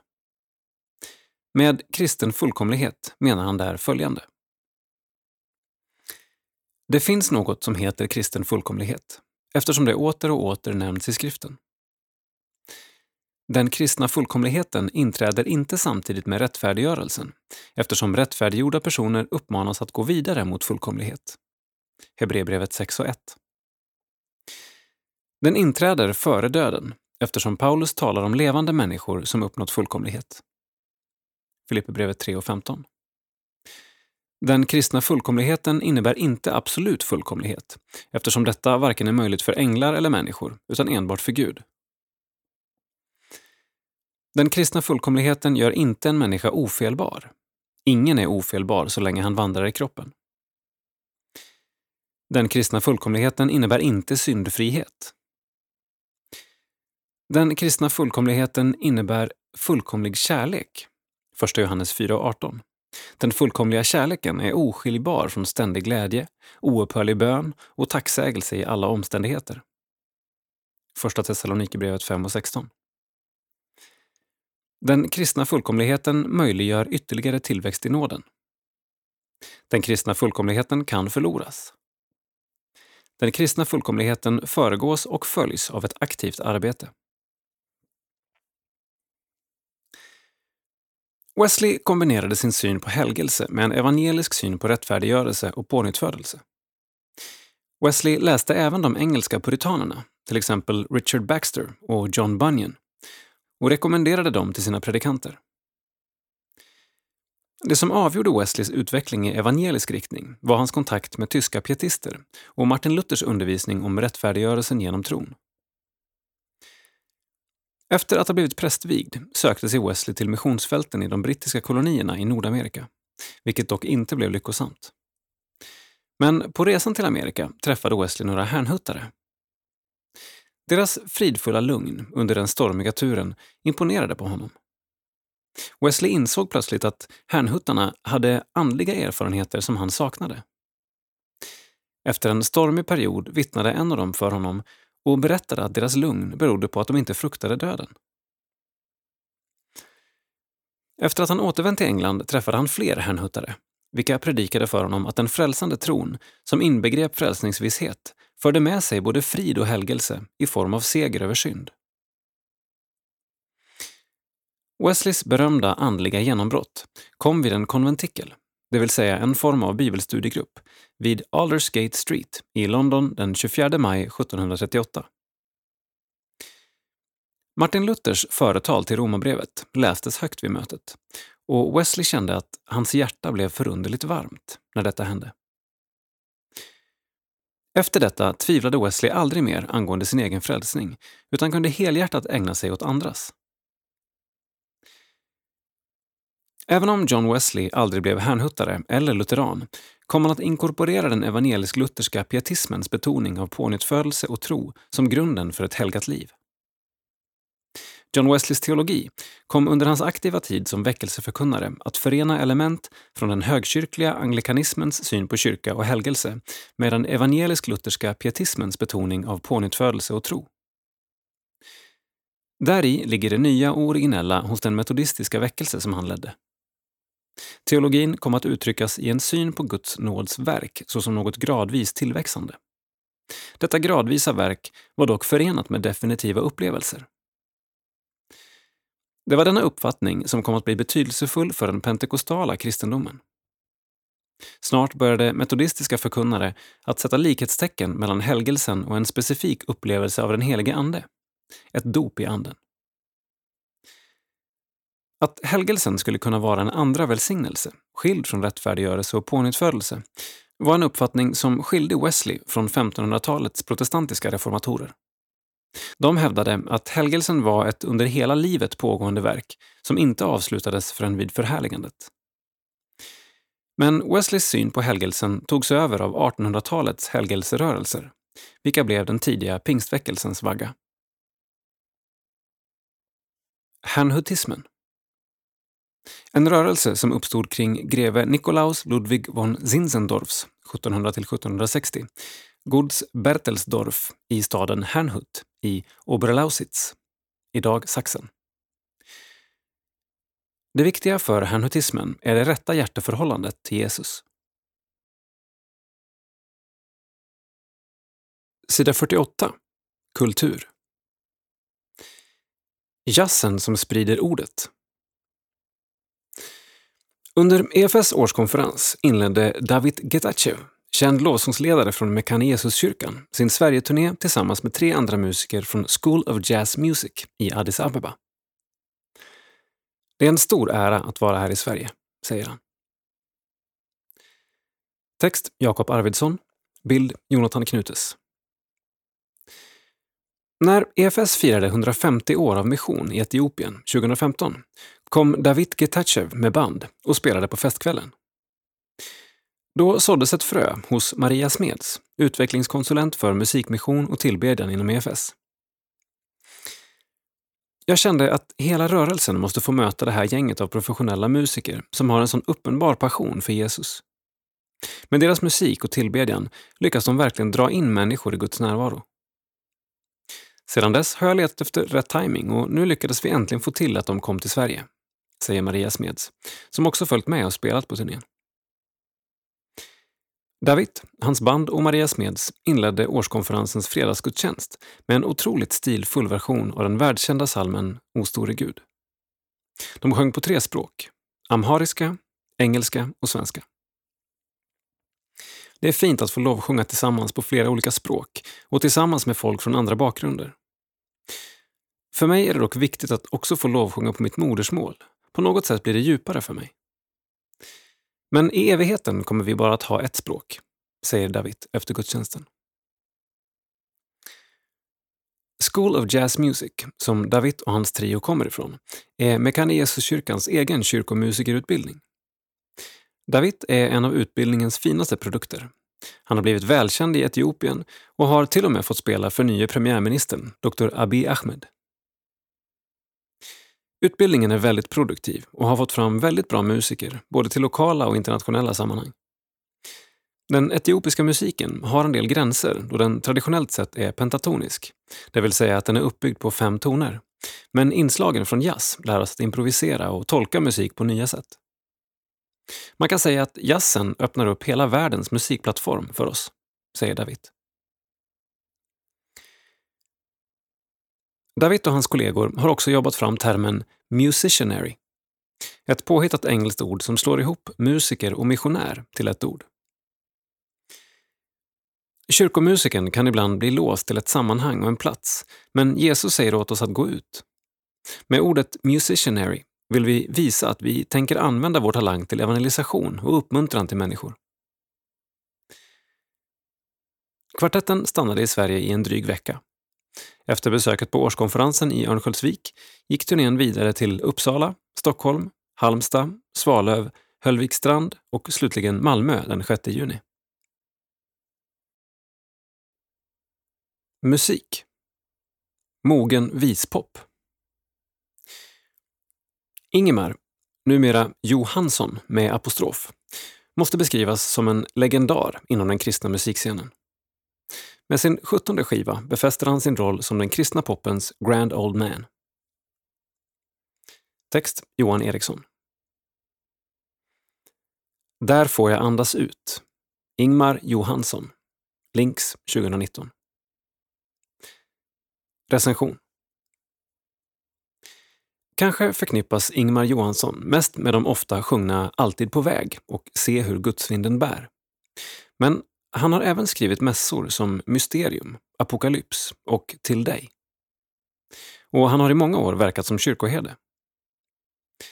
Hans livsresa är lång och delvis brokig, men verkar ha landat i en trygg tro med både drag av barnatrons enkelhet och den mer vuxna trons komplexitet.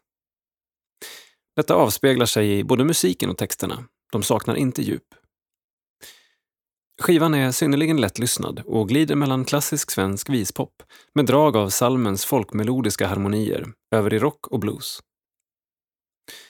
Trots mångfalden och de generösa influenserna från välkända singer-songwriter-förebilder så är nog min favorit det 20 år gamla titelspåret Där får jag andas ut, som han skrev tillsammans med Thomas Andersson Vi. Han säger själv i en intervju Trots att det var så många år sedan är det nog den låten som mest beskriver den sinnesstämning jag varit i de senaste åren. Men det säger också något om plattan som helhet. Den är som sagt bra och lättlyssnad, ett måste för den som följt hela Ingmars karriär. Men den lyfter inte riktigt. Jag tror att den inte riktigt når fram till en publik som inte på förhand är bekanta med artisten. Men därmed inte sagt att den inte tillhör hans bättre album. Om jag rekommenderar den? Ja, absolut. Men kanske är den i första hand den givna 50-årspresenten. Något som Ingmar själv bekräftar. Jag hoppas att den som lyssnar ska känna igen sig. Att sångerna ska vara svar på något hos den som lyssnar.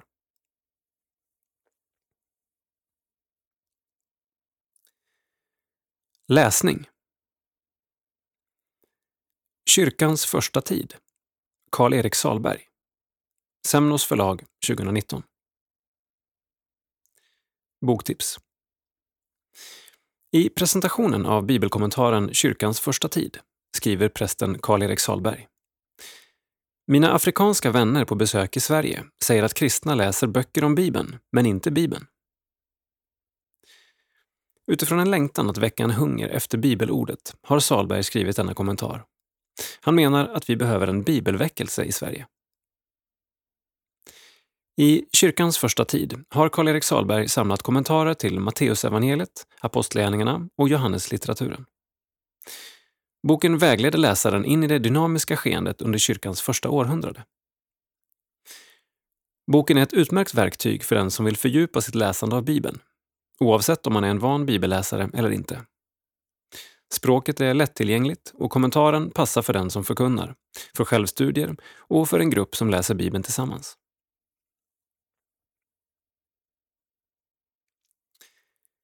Himlen är ett underskattat resmål Hans-Erik Lindström, Libris förlag 2018. Boktips. Prästen och författaren Hans-Erik Lindström vill med sin bok Himlen är ett underskattat resmål ge samtalet om himlen en större plats, både i samhället och i kyrkan. I boken får läsaren fundera över frågor kring slutmålet med livet. Det är en uppmuntran om att inte låta rädslan för döden minska samtalen om ämnet. Istället kan närvaron och medvetandet om döden fungera som en påminnelse för att ta tillvara på livet medan det varar. Insikten om att döden är en förutsättning för livet är ett citat som sammanfattar bokens tema väl. Författaren vill även vidga perspektivet till evigheten, om att slutet på jorden är en början på det himmelska. Hoppet om att en dag få komma hem ger läsaren tröst i det annars så tunga ämnet.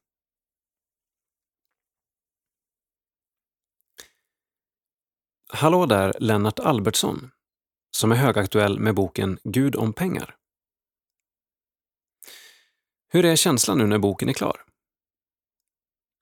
En kombination av overklighet över att boken verkligen blivit av och glädje över att få skriva en bok som många har visat en förväntan inför.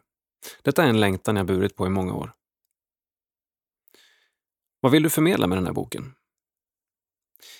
Att Bibeln nämner pengar och ekonomi i så många sammanhang och att vi har mycket att vinna på att förstå Guds grundtankar om detta stora ämne. Vilka tycker du ska läsa boken? Min första avsikt var att skriva den till tidigare arbetskamrater som genom att läsa om pengar skulle få en chans att upptäcka Gud. Därför tar jag upp Guds existens och Bibelns trovärdighet. Jag har försökt att utgå från någon som inte är en van bibelläsare, vilket var en rejäl utmaning. Jag känner mig ändå trygg med att en vanlig församlingsmedlem kan få ut mycket av boken.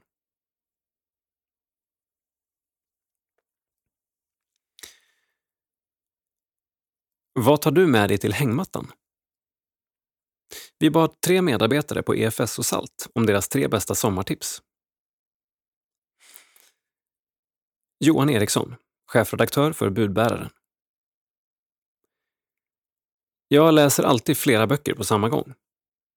Just nu Arnhem, Slaget om Holland, del 1. En ren historiebok som ger mig nördig avkoppling. Vid sidan av den ligger Gud om pengar av Lennart Albertsson, som jag vill läsa en gång till. Det låter kanske andligt, men det blir också mer läsning av Bibeln när jag är ledig. Den berör de stora livsfrågorna och kring flera av de tankar jag brottas med är Bibeln mitt självklara bollplank. Jag har även en lång lista med filmer som jag missat att se på bio under våren. Överst står Vincent van Gogh, Vid evighetens port. En film som jag verkligen rekommenderar är The Green Book. Den berör verkligen frågan om fördomar, identitet och den lilla människans förmåga att ta till sig någonting större. När det gäller musik så kommer Bruce Springsteen, Bob Dylan och den obetalbare pastorn Al Green följa med mig på semestern.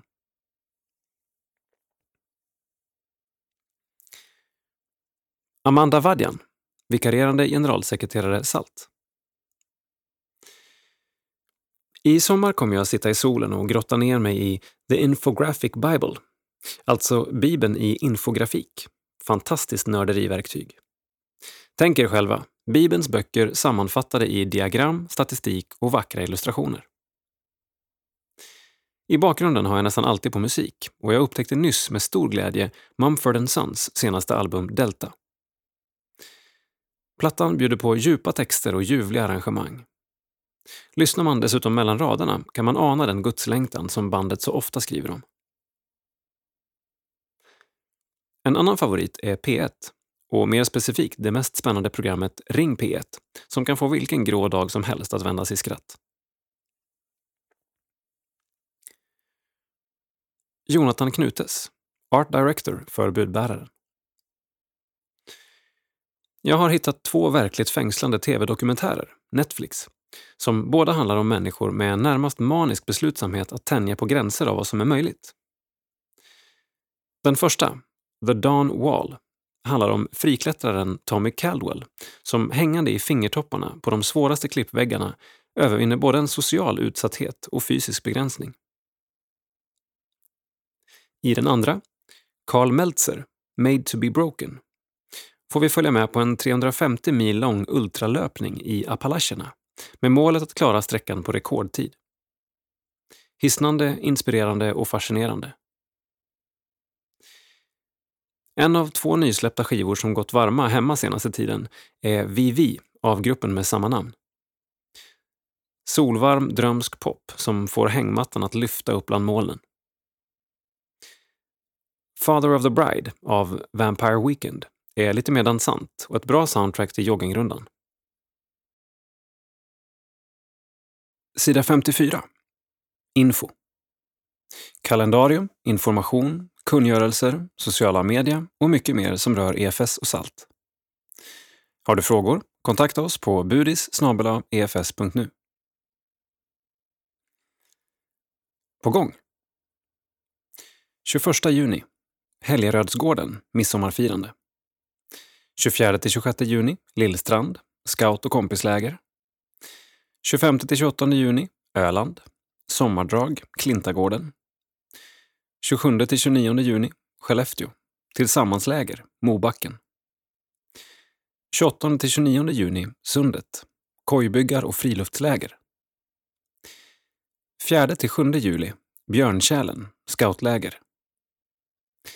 9-13 juli Åkerö, sommarkonferens för EFS Mittsverige. 29 juli till 2 augusti Vässarö, Salt och vatten, distriktsscoutläger. 31 juli till 4 augusti. Klockarträsk, scoutläger. 3 augusti, Åsljunga. Loppmarknad på EFS-gården.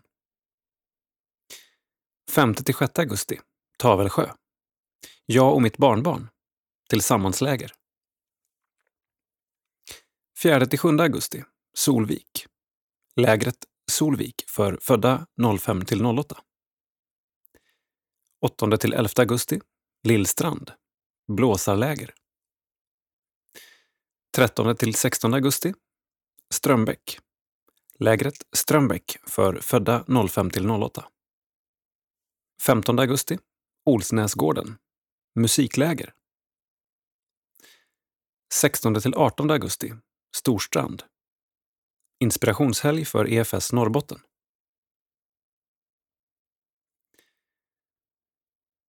Succé för Lötenloppet. Den 11 maj arrangerades Lötenloppet i Uppsala. Ett initiativ från Lötenkyrkan och KRIK, Kristen idrottskontakt, med syftet att sprida glädje och god stämning på Heidenstamms torg. Samtliga aktörer på torget, mataffären, frisörerna och gymmet hakade på och sponsrade initiativet på olika sätt. Loppet hade hela 150 deltagare och totalt sett var det runt 300 personer som deltog i folkfesten. Jättekul att så många var med och bidrog.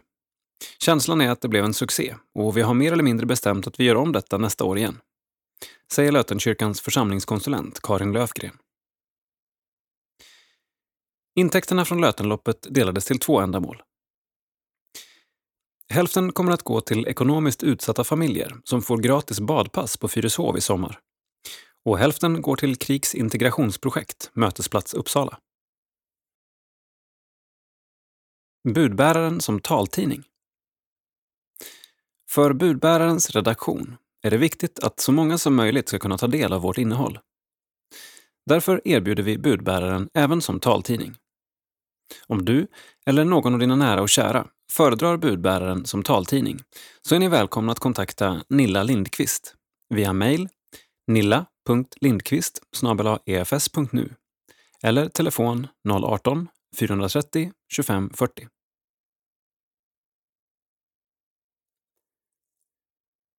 50-årsjubileum för studiekamrater. I två dagar i maj träffades sex tidigare studiekamrater på Åkerögården i Norrtälje för att fira att det var 50 år sedan de gick ut i tjänst från Johannelund. Det var många minnen och erfarenheter som delades och alla uttryckte sin tacksamhet över studietiden och vad EFS har betytt under åren.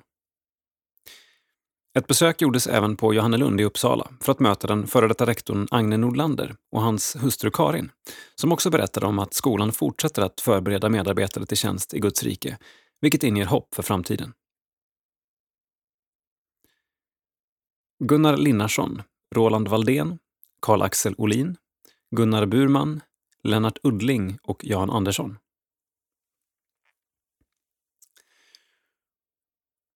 En omgång Monopol, dikt och missionsiver. Kreativiteten flödade på Salts årsmöte. Tidigare har SALT, barn och unga i EFS, haft sitt årsmöte i samband med EFS årsmöte. I år hade dock SALT årsmöte på egen hand den 11 maj i Lötenkyrkan i Uppsala. Närvarande var ungefär 50 personer, varav 29 ombud från hela landet. Stämningen var god och årsmötets delar presenterades på kreativa sätt i ett sätt att försöka närma sig målgruppen. Exempelvis redovisades verksamhetsplanen genom en dikt och den ekonomiska redovisningen skedde med hjälp av en omgång Monopol. Det fanns en glädje i att få påverka och vara med, säger Salts vikarierande generalsekreterare Amanda Vadjan. Tillsammans fattade årsmötet beslut om att undersöka möjligheten till internationell bibelskola tillsammans med EFS. Budgeten antogs med en ny pott på 50 000 kronor som man kan söka ur för att göra missionsprojekt.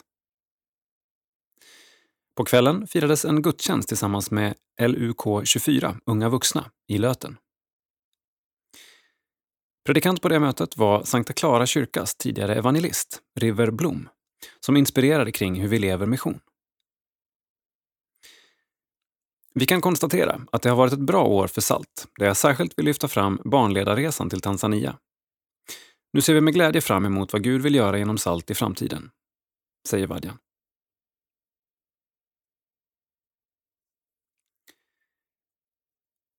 Tack! Ett stort tack till alla EFS-are i Mittnorrland, ideella som anställda, för all tid och allt arbete ni har lagt ner före, under och efter EFS årskonferens i Örnsköldsvik. Genom er insats fick vi en fin årskonferens med fokus på att dela evangeliet. Uppmuntrade av konferensen arbetar vi vidare tillsammans i missionsuppdraget. För EFS styrelse, Kerstin Oderhem, missionsföreståndare EFS.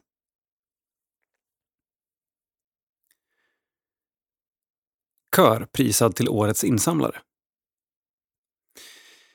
Varje år ger EFS priset Årets insamlare till en person, grupp eller förening, församling som utmärkt sig i insamlingssyfte. Under EFS årsmöte delades priset i år ut till Lutherska Missionskyrkans kör och orkester från EFS Göteborg med följande motivering. Genom att ta initiativ till Psalmgalan Sjung för livet tog de tillvara på resurser och möjligheter som fanns i församlingen.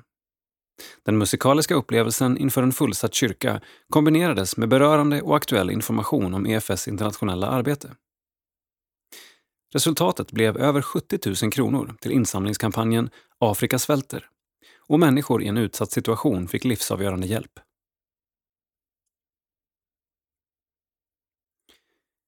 Gåvoresultat april. EFS. Insamlat 1,6 miljoner kronor. Budget 3,2 miljoner kronor.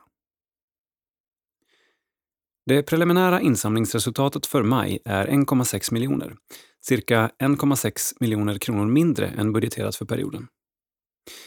Hittills i år har EFS samlat in 10,3 miljoner kronor, vilket innebär att årets totala insamling i skrivande stund är cirka 2,3 miljoner kronor under budget. Givandet till konferensinsamlingen uppgick till 651 574 kronor. Insamlat 10,3 miljoner kronor. Mål 2019 32,5 miljoner kronor. Salt. Insamlat 210 014 kronor. Mål 2019 1,1 miljoner kronor. Gåvorna till salt ökade något under maj jämfört med april, men totalt sett har vi samlat in hälften så mycket som förra året vid den här tiden. Det är förstås en utmaning. Givandet behöver öka för att årets budget ska nås. Tack för din gåva. Utöver dessa gåvor har 61 099 kronor inkommit i rikskollekt. Detta ligger utanför insamlingsbudget.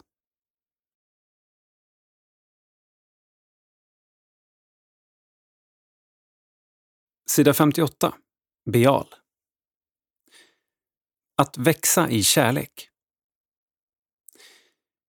Kan vi lära oss något av det lilla barnets behov av vila och en rytm av energiförbrukning och återhämtning? Glömmer vi att vila och hitta en rytm som öppnar för reflektion och bön? Där finns utrymme för nya prioriteringar, vad jag ska göra av mina pengar och av min tid. Vad kan jag avstå för någon annan? För att ett träd ska växa och ge frukt behöver det rymd, lika väl som närkontakt med den omgivning där det står planerat. Som lärjungar till Jesus är vi kallade att växa i kärlek till varandra och sända att gå ut i världen och bära frukt. Så blir vi kvar i hans kärlek och vilar i Faderns händer. Sofia Svensson, Bialinspiratör. Dalvikskyrkans basar engagerade besökarna. Genom lotterier, loppis, brödbord och hantverksbord samlades pengar in till Bial och Dalvikskyrkan. Text Charlie Kramer. Bild Inger Tomte. Lördagen den 6 april hade vi vårbasar i Dalvikskyrkan. Tidigare fanns en tradition att på våren hade ungdomarna i kyrkan en basar och på hösten var det föreningens tur. Detta har legat nere i flera år, men nu ville vi göra ett nytt försök att engagera alla de familjer och barn som finns i vår verksamhet. Vi ville inte bara samla in pengar till oss själva, utan ganska snabbt bestämde vi att vårbasaren skulle vara ett tillfälle att göra Bial synligare också. Det blev en varm lördags eftermiddag där besökarna gick ut och in i kyrkan. Ena stunden köpte folk lotter i form av påskägg eller hoppades på tur i leksakslotteriet.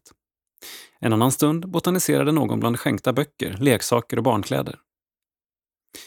Ett välfyllt brödbord gick åt i rasande fart och scouterna servade med grillad korv och hembakta bullar i sina petroleumblåa dräkter. Totalt samlade vi genom lotterier, loppis, brödbord, fika och hantverksbord ihop runt 8 900 kronor. Hälften kommer att gå till Bial och hälften till Dalvikskyrkans eget barn och ungdomsarbete. Dagen blev fantastisk och vi hoppas att det blir ett nytt inslag i Dalvikskyrkans vårar. Insamlingsresultat. Mål 2019 1,7 miljoner kronor. Insamlat 681 678 kronor. Händer för Bial. När Bials resedocka, Haki, hälsade på barnen i Luta, Lutherska Missionskyrkan i Borås, peppade hon för att Gud vill använda våra händer och fötter i sitt missionsuppdrag. Barnen fick symboliskt klippa ut händer i färgglada papper. Varje hand motsvarar 100 kronor insamlade till Bial och sätts ovanför en växande trädstam. På så sätt hoppas jag att barnen och församlingen känner större delaktighet i insamlandet av pengar till Bial, säger Rebecka Larsson, barnledare i EFS Borås. Sida 60. Distrikt Västsverige. Riktning mot Guds rike. Kommuniteten Oikos firar tio år. Det var 2009 som 12 personer, efter ett år av samtal och bön, flyttade till eller gjorde sina hem i Hammarkullen, Göteborg, till kommuniteten Oikos. Riktningen har alltid varit detsamma. Att genom vardagslivets lunkande rytm ta ut riktningen mot Guds rike med ett speciellt fokus på gästfrihet, icke-våld och delande. Detta gör vi på många sätt, men aldrig utan bönen, firandet av mässan eller våra måltider tillsammans med de som vill äta med oss. Tio år är både lång och kort tid vad gäller nyetableringar, men det är helt klart värt att fira. Just nu står vi inför stora förändringar och utmaningar. Medlemmar har alltid kommit och gått. Om jag räknar rätt har 35 vuxna överlåtit sig för ett år eller mer i taget. Ingen av oss vet hur länge Oikos överlever.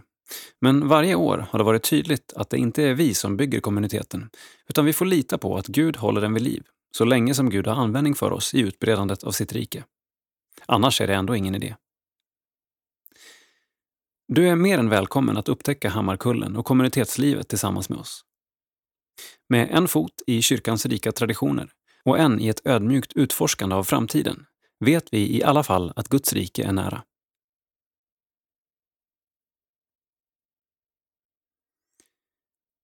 Tack Frida!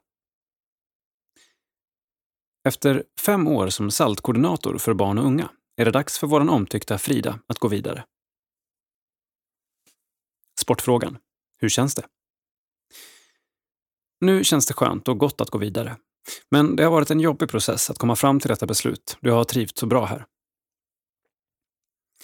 Vad var det som fick dig till att börja arbeta för EFS Västsverige? För sju år sedan var jag teamare, volontär, i Furulundskyrkan och träffade Sofia Svensson som hade tjänsten före mig. Jag tyckte att hennes tjänst var något jag ville jobba med och upplevde att EFS Väst var ett hjärtligt sammanhang som hade fokus på Gud och att göra honom känd. Det lockade mig. Så jag sökte tjänsten och fick den. Vad har Gud gjort under din tid som anställd? Vi har fått brottas med olika verksamheter och vad jag som koordinator ska jobba med. Men utifrån relationer med medarbetare i EFS Väst så har det varit enkelt att se vad vi ska satsa på. Göra Jesus känd. Och jag har fått se flera ledare, både unga och äldre, växa i att dela tro med barn i Västsverige. Och en av de bästa stunderna jag har fått vara med om är när barn har velat be med mig om att få ta emot Jesus. Vad vill du ge vidare till EFS och Salt Västsverige i framtiden?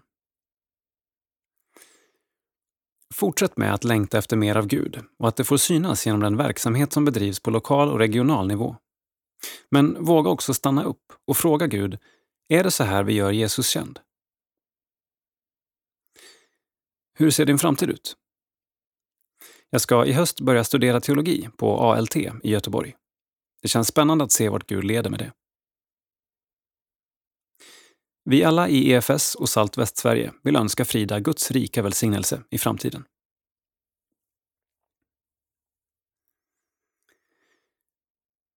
Kom och sov över. Lutagård har möjlighet att ta emot besökare under sommaren. Läs mer på efsvast.se lutagard. Kalender 21 juni Ekhagen live Midsommarfirande och festival Ekhagen, Borås EFS. 16-21 juli Sommarkyrka på EFS Dyrön. Talare Göran Landgren. 27-29 september Höstkonferens på Sandvikengården, Värmland. 5 oktober Kämpalek, Borås. 4-6 oktober Livsväg, Uppsala. Gemensam resa ordnas. 19 oktober Ledardag för ideella medarbetare. Göteborg Lutherska Missionskyrkan. 25-27 oktober Soul Children-helg i Örebro. Gemensam resa ordnas. Sida 62. Distrikt Sydöstsverige. Bordssamtal som berikar.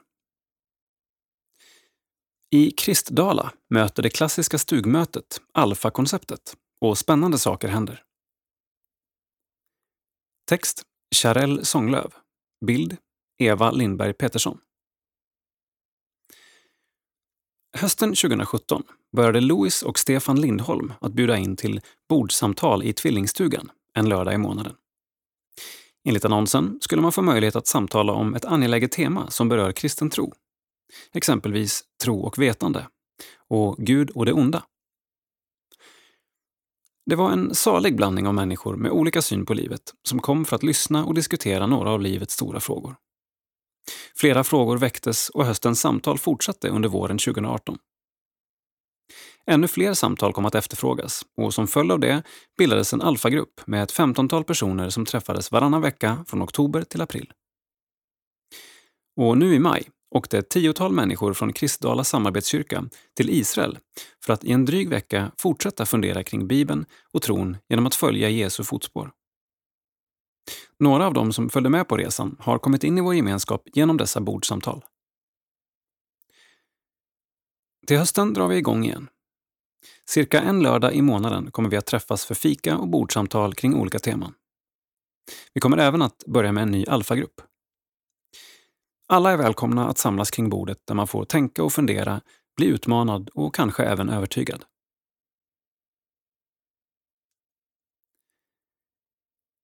Gyngegården lever vidare. EFS Kalmar tar över driften. Gyngegården på södra Öland har sedan mitten av 1960-talet varit en populär och välbesökt sommargård för självhushåll. EFS i Sydöstsverige fick gården som gåva genom testamente från systrarna Anna och Victoria Svensson. Till fastigheten hör även jordbruksmark som är utarrenderad. I samband med organisationsförändringen, då distrikt blev region, har distriktsorganisationen avyttrat flera kursgårdar. Då det gäller Gyngegården föreskriver testamentet att byggnaderna med tillhörande tomt ska finnas kvar inom organisationen och användas för vilohem. Efter samtal så är det klart att EFS missionsförening i Kalmar tar över gården och kommer att förvalta och driva den med självhushåll, mindre läger och som retreatgård. I samband med gudstjänsten i Vasakyrkan, Kalmar, på den gode herdens söndag, överlämnade distriktsordförande Magnus Karlsson gården genom ett gåvobrev till Missionsföreningens representanter, Lennart Jakobsson och Håkan Eriksson. Detta med önskan om att gården skulle fortsätta drivas enligt systrarna Svenssons önskemål och testamente. Magnus Karlsson. Sida 64. Nytt i livet. Till minne. Signe Larsson Alsen. Den 15 december 2018 flyttade Signe Larsson Alsen hem till sin frälsare. Signe föddes i Skånes Värsjö den 11 november 1926 och utbildades till barnmorska i Sverige. Signe kom till Eritrea, Geleb, i missionens tjänst år 1954. Signe drev en modern klinik för hela Mensae-regionen med omnejd. Signe drev samtidigt ett modernt barnhem för de föräldralösa barnen i regionen. Signe, eller Emebet Signe, vilket lite förenklat betyder husmor, som hon kallades i Geleb, hade roller som läkare, barnmorska, sjuksköterska och barnsköterska. Utöver hennes profession kännetecknas Emebet Signe av ett orubbligt stöd för de mest utsatta barnen. Till exempel barn som varit kroniskt sjuka eller skadade och flickor som fött barn utan att vara gifta, vilket på den tiden betydde utfrysning av familjen och social utstötning. Alla mödrar som har fått barn, då Emebet Signe varit verksam i Geleb, har en historia att berätta om sin kontakt med Emebet Signe. Och det gemensamma för alla berättelser är tacksamheten för all omsorg. När kriget bröt ut i regionen anklagades Emebet Signe av det dåvarande styret i landet. Detta för att hon tog hand om folk från fel sida. Och hennes svar var För mig finns det bara två sidor. De som är friska och de som är sjuka. Och de som är sjuka tar jag alltid hand om. Emebet Signe var verksam i Eritrea under åren 1954 till 1974. Det finns många vittnesmål om vad Emebet Signe har betytt för många eritreaner och i synnerhet för Mensai-regionen. Med dessa få rader försöker jag bara säga Tack Emebet Signe för allt som du har gjort. Sannerligen, vad ni har gjort för någon av dessa minsta som är mina bröder, det har ni gjort för mig. Matteus 25 och 40. Habte Fasega, Sundbyberg. Sida 65. Krönika. Charlotta Nordström frågar sig om vi är beredda på att Herren faktiskt svarar på det vi ber om. Ibland behöver man gå in två gånger. Har du någon gång råkat komma hem till någon när dörren var olåst? Du gick bara in och märkte då att du hamnat mitt i ett bråk. Stämningen är tung och jobbig och du önskar att du bara hade kunnat backa ut, stänga dörren, ringa på ordentligt och på nytt gå in och börja om hela situationen. Detta har hänt mig mer än en gång. Jag har länge gått och funderat på berättelsen om Marta och Maria, Jesu vänner. Speciellt fastnar jag för systern Marta. Av sina syskon är hon den som fixar och planerar. Marta är den som förbereder sitt hem för Jesu besök. Hon är den som ordnar och hon är den som handlar. EFS och SALT är fulla av personer som Marta.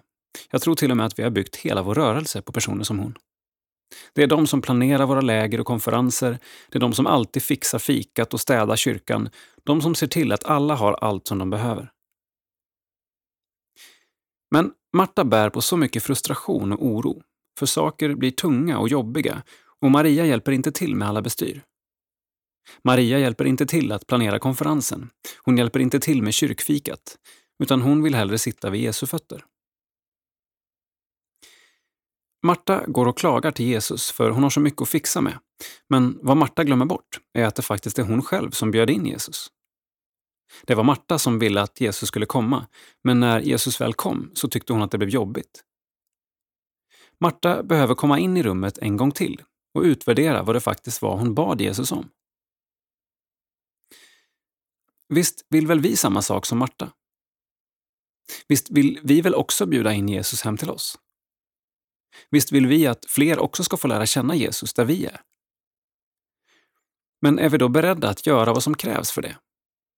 Är vi då beredda att göra uppoffringar i form av vår tid, vår energi, vår ekonomi för att det ska bli verklighet? Är vi beredda att få det som vi ber om?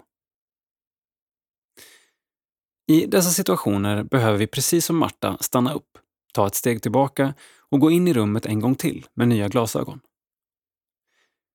Vad var det vi faktiskt bad Jesus om? Vi behöver än en gång fundera kring vad är det vi håller på med? Vad är det som vi är kallade till? Vad är det vi har bett Herren om? Är vi beredda på att Herren faktiskt svarar på det vi ber om? Är vi beredda att göra det vi själva har längtat efter? Vi behöver kanske, som Marta, ta ett steg tillbaka, börja om och gå in i rummet en gång till. Charlotta Nordström, vikarierande biträdande generalsekreterare, SALT.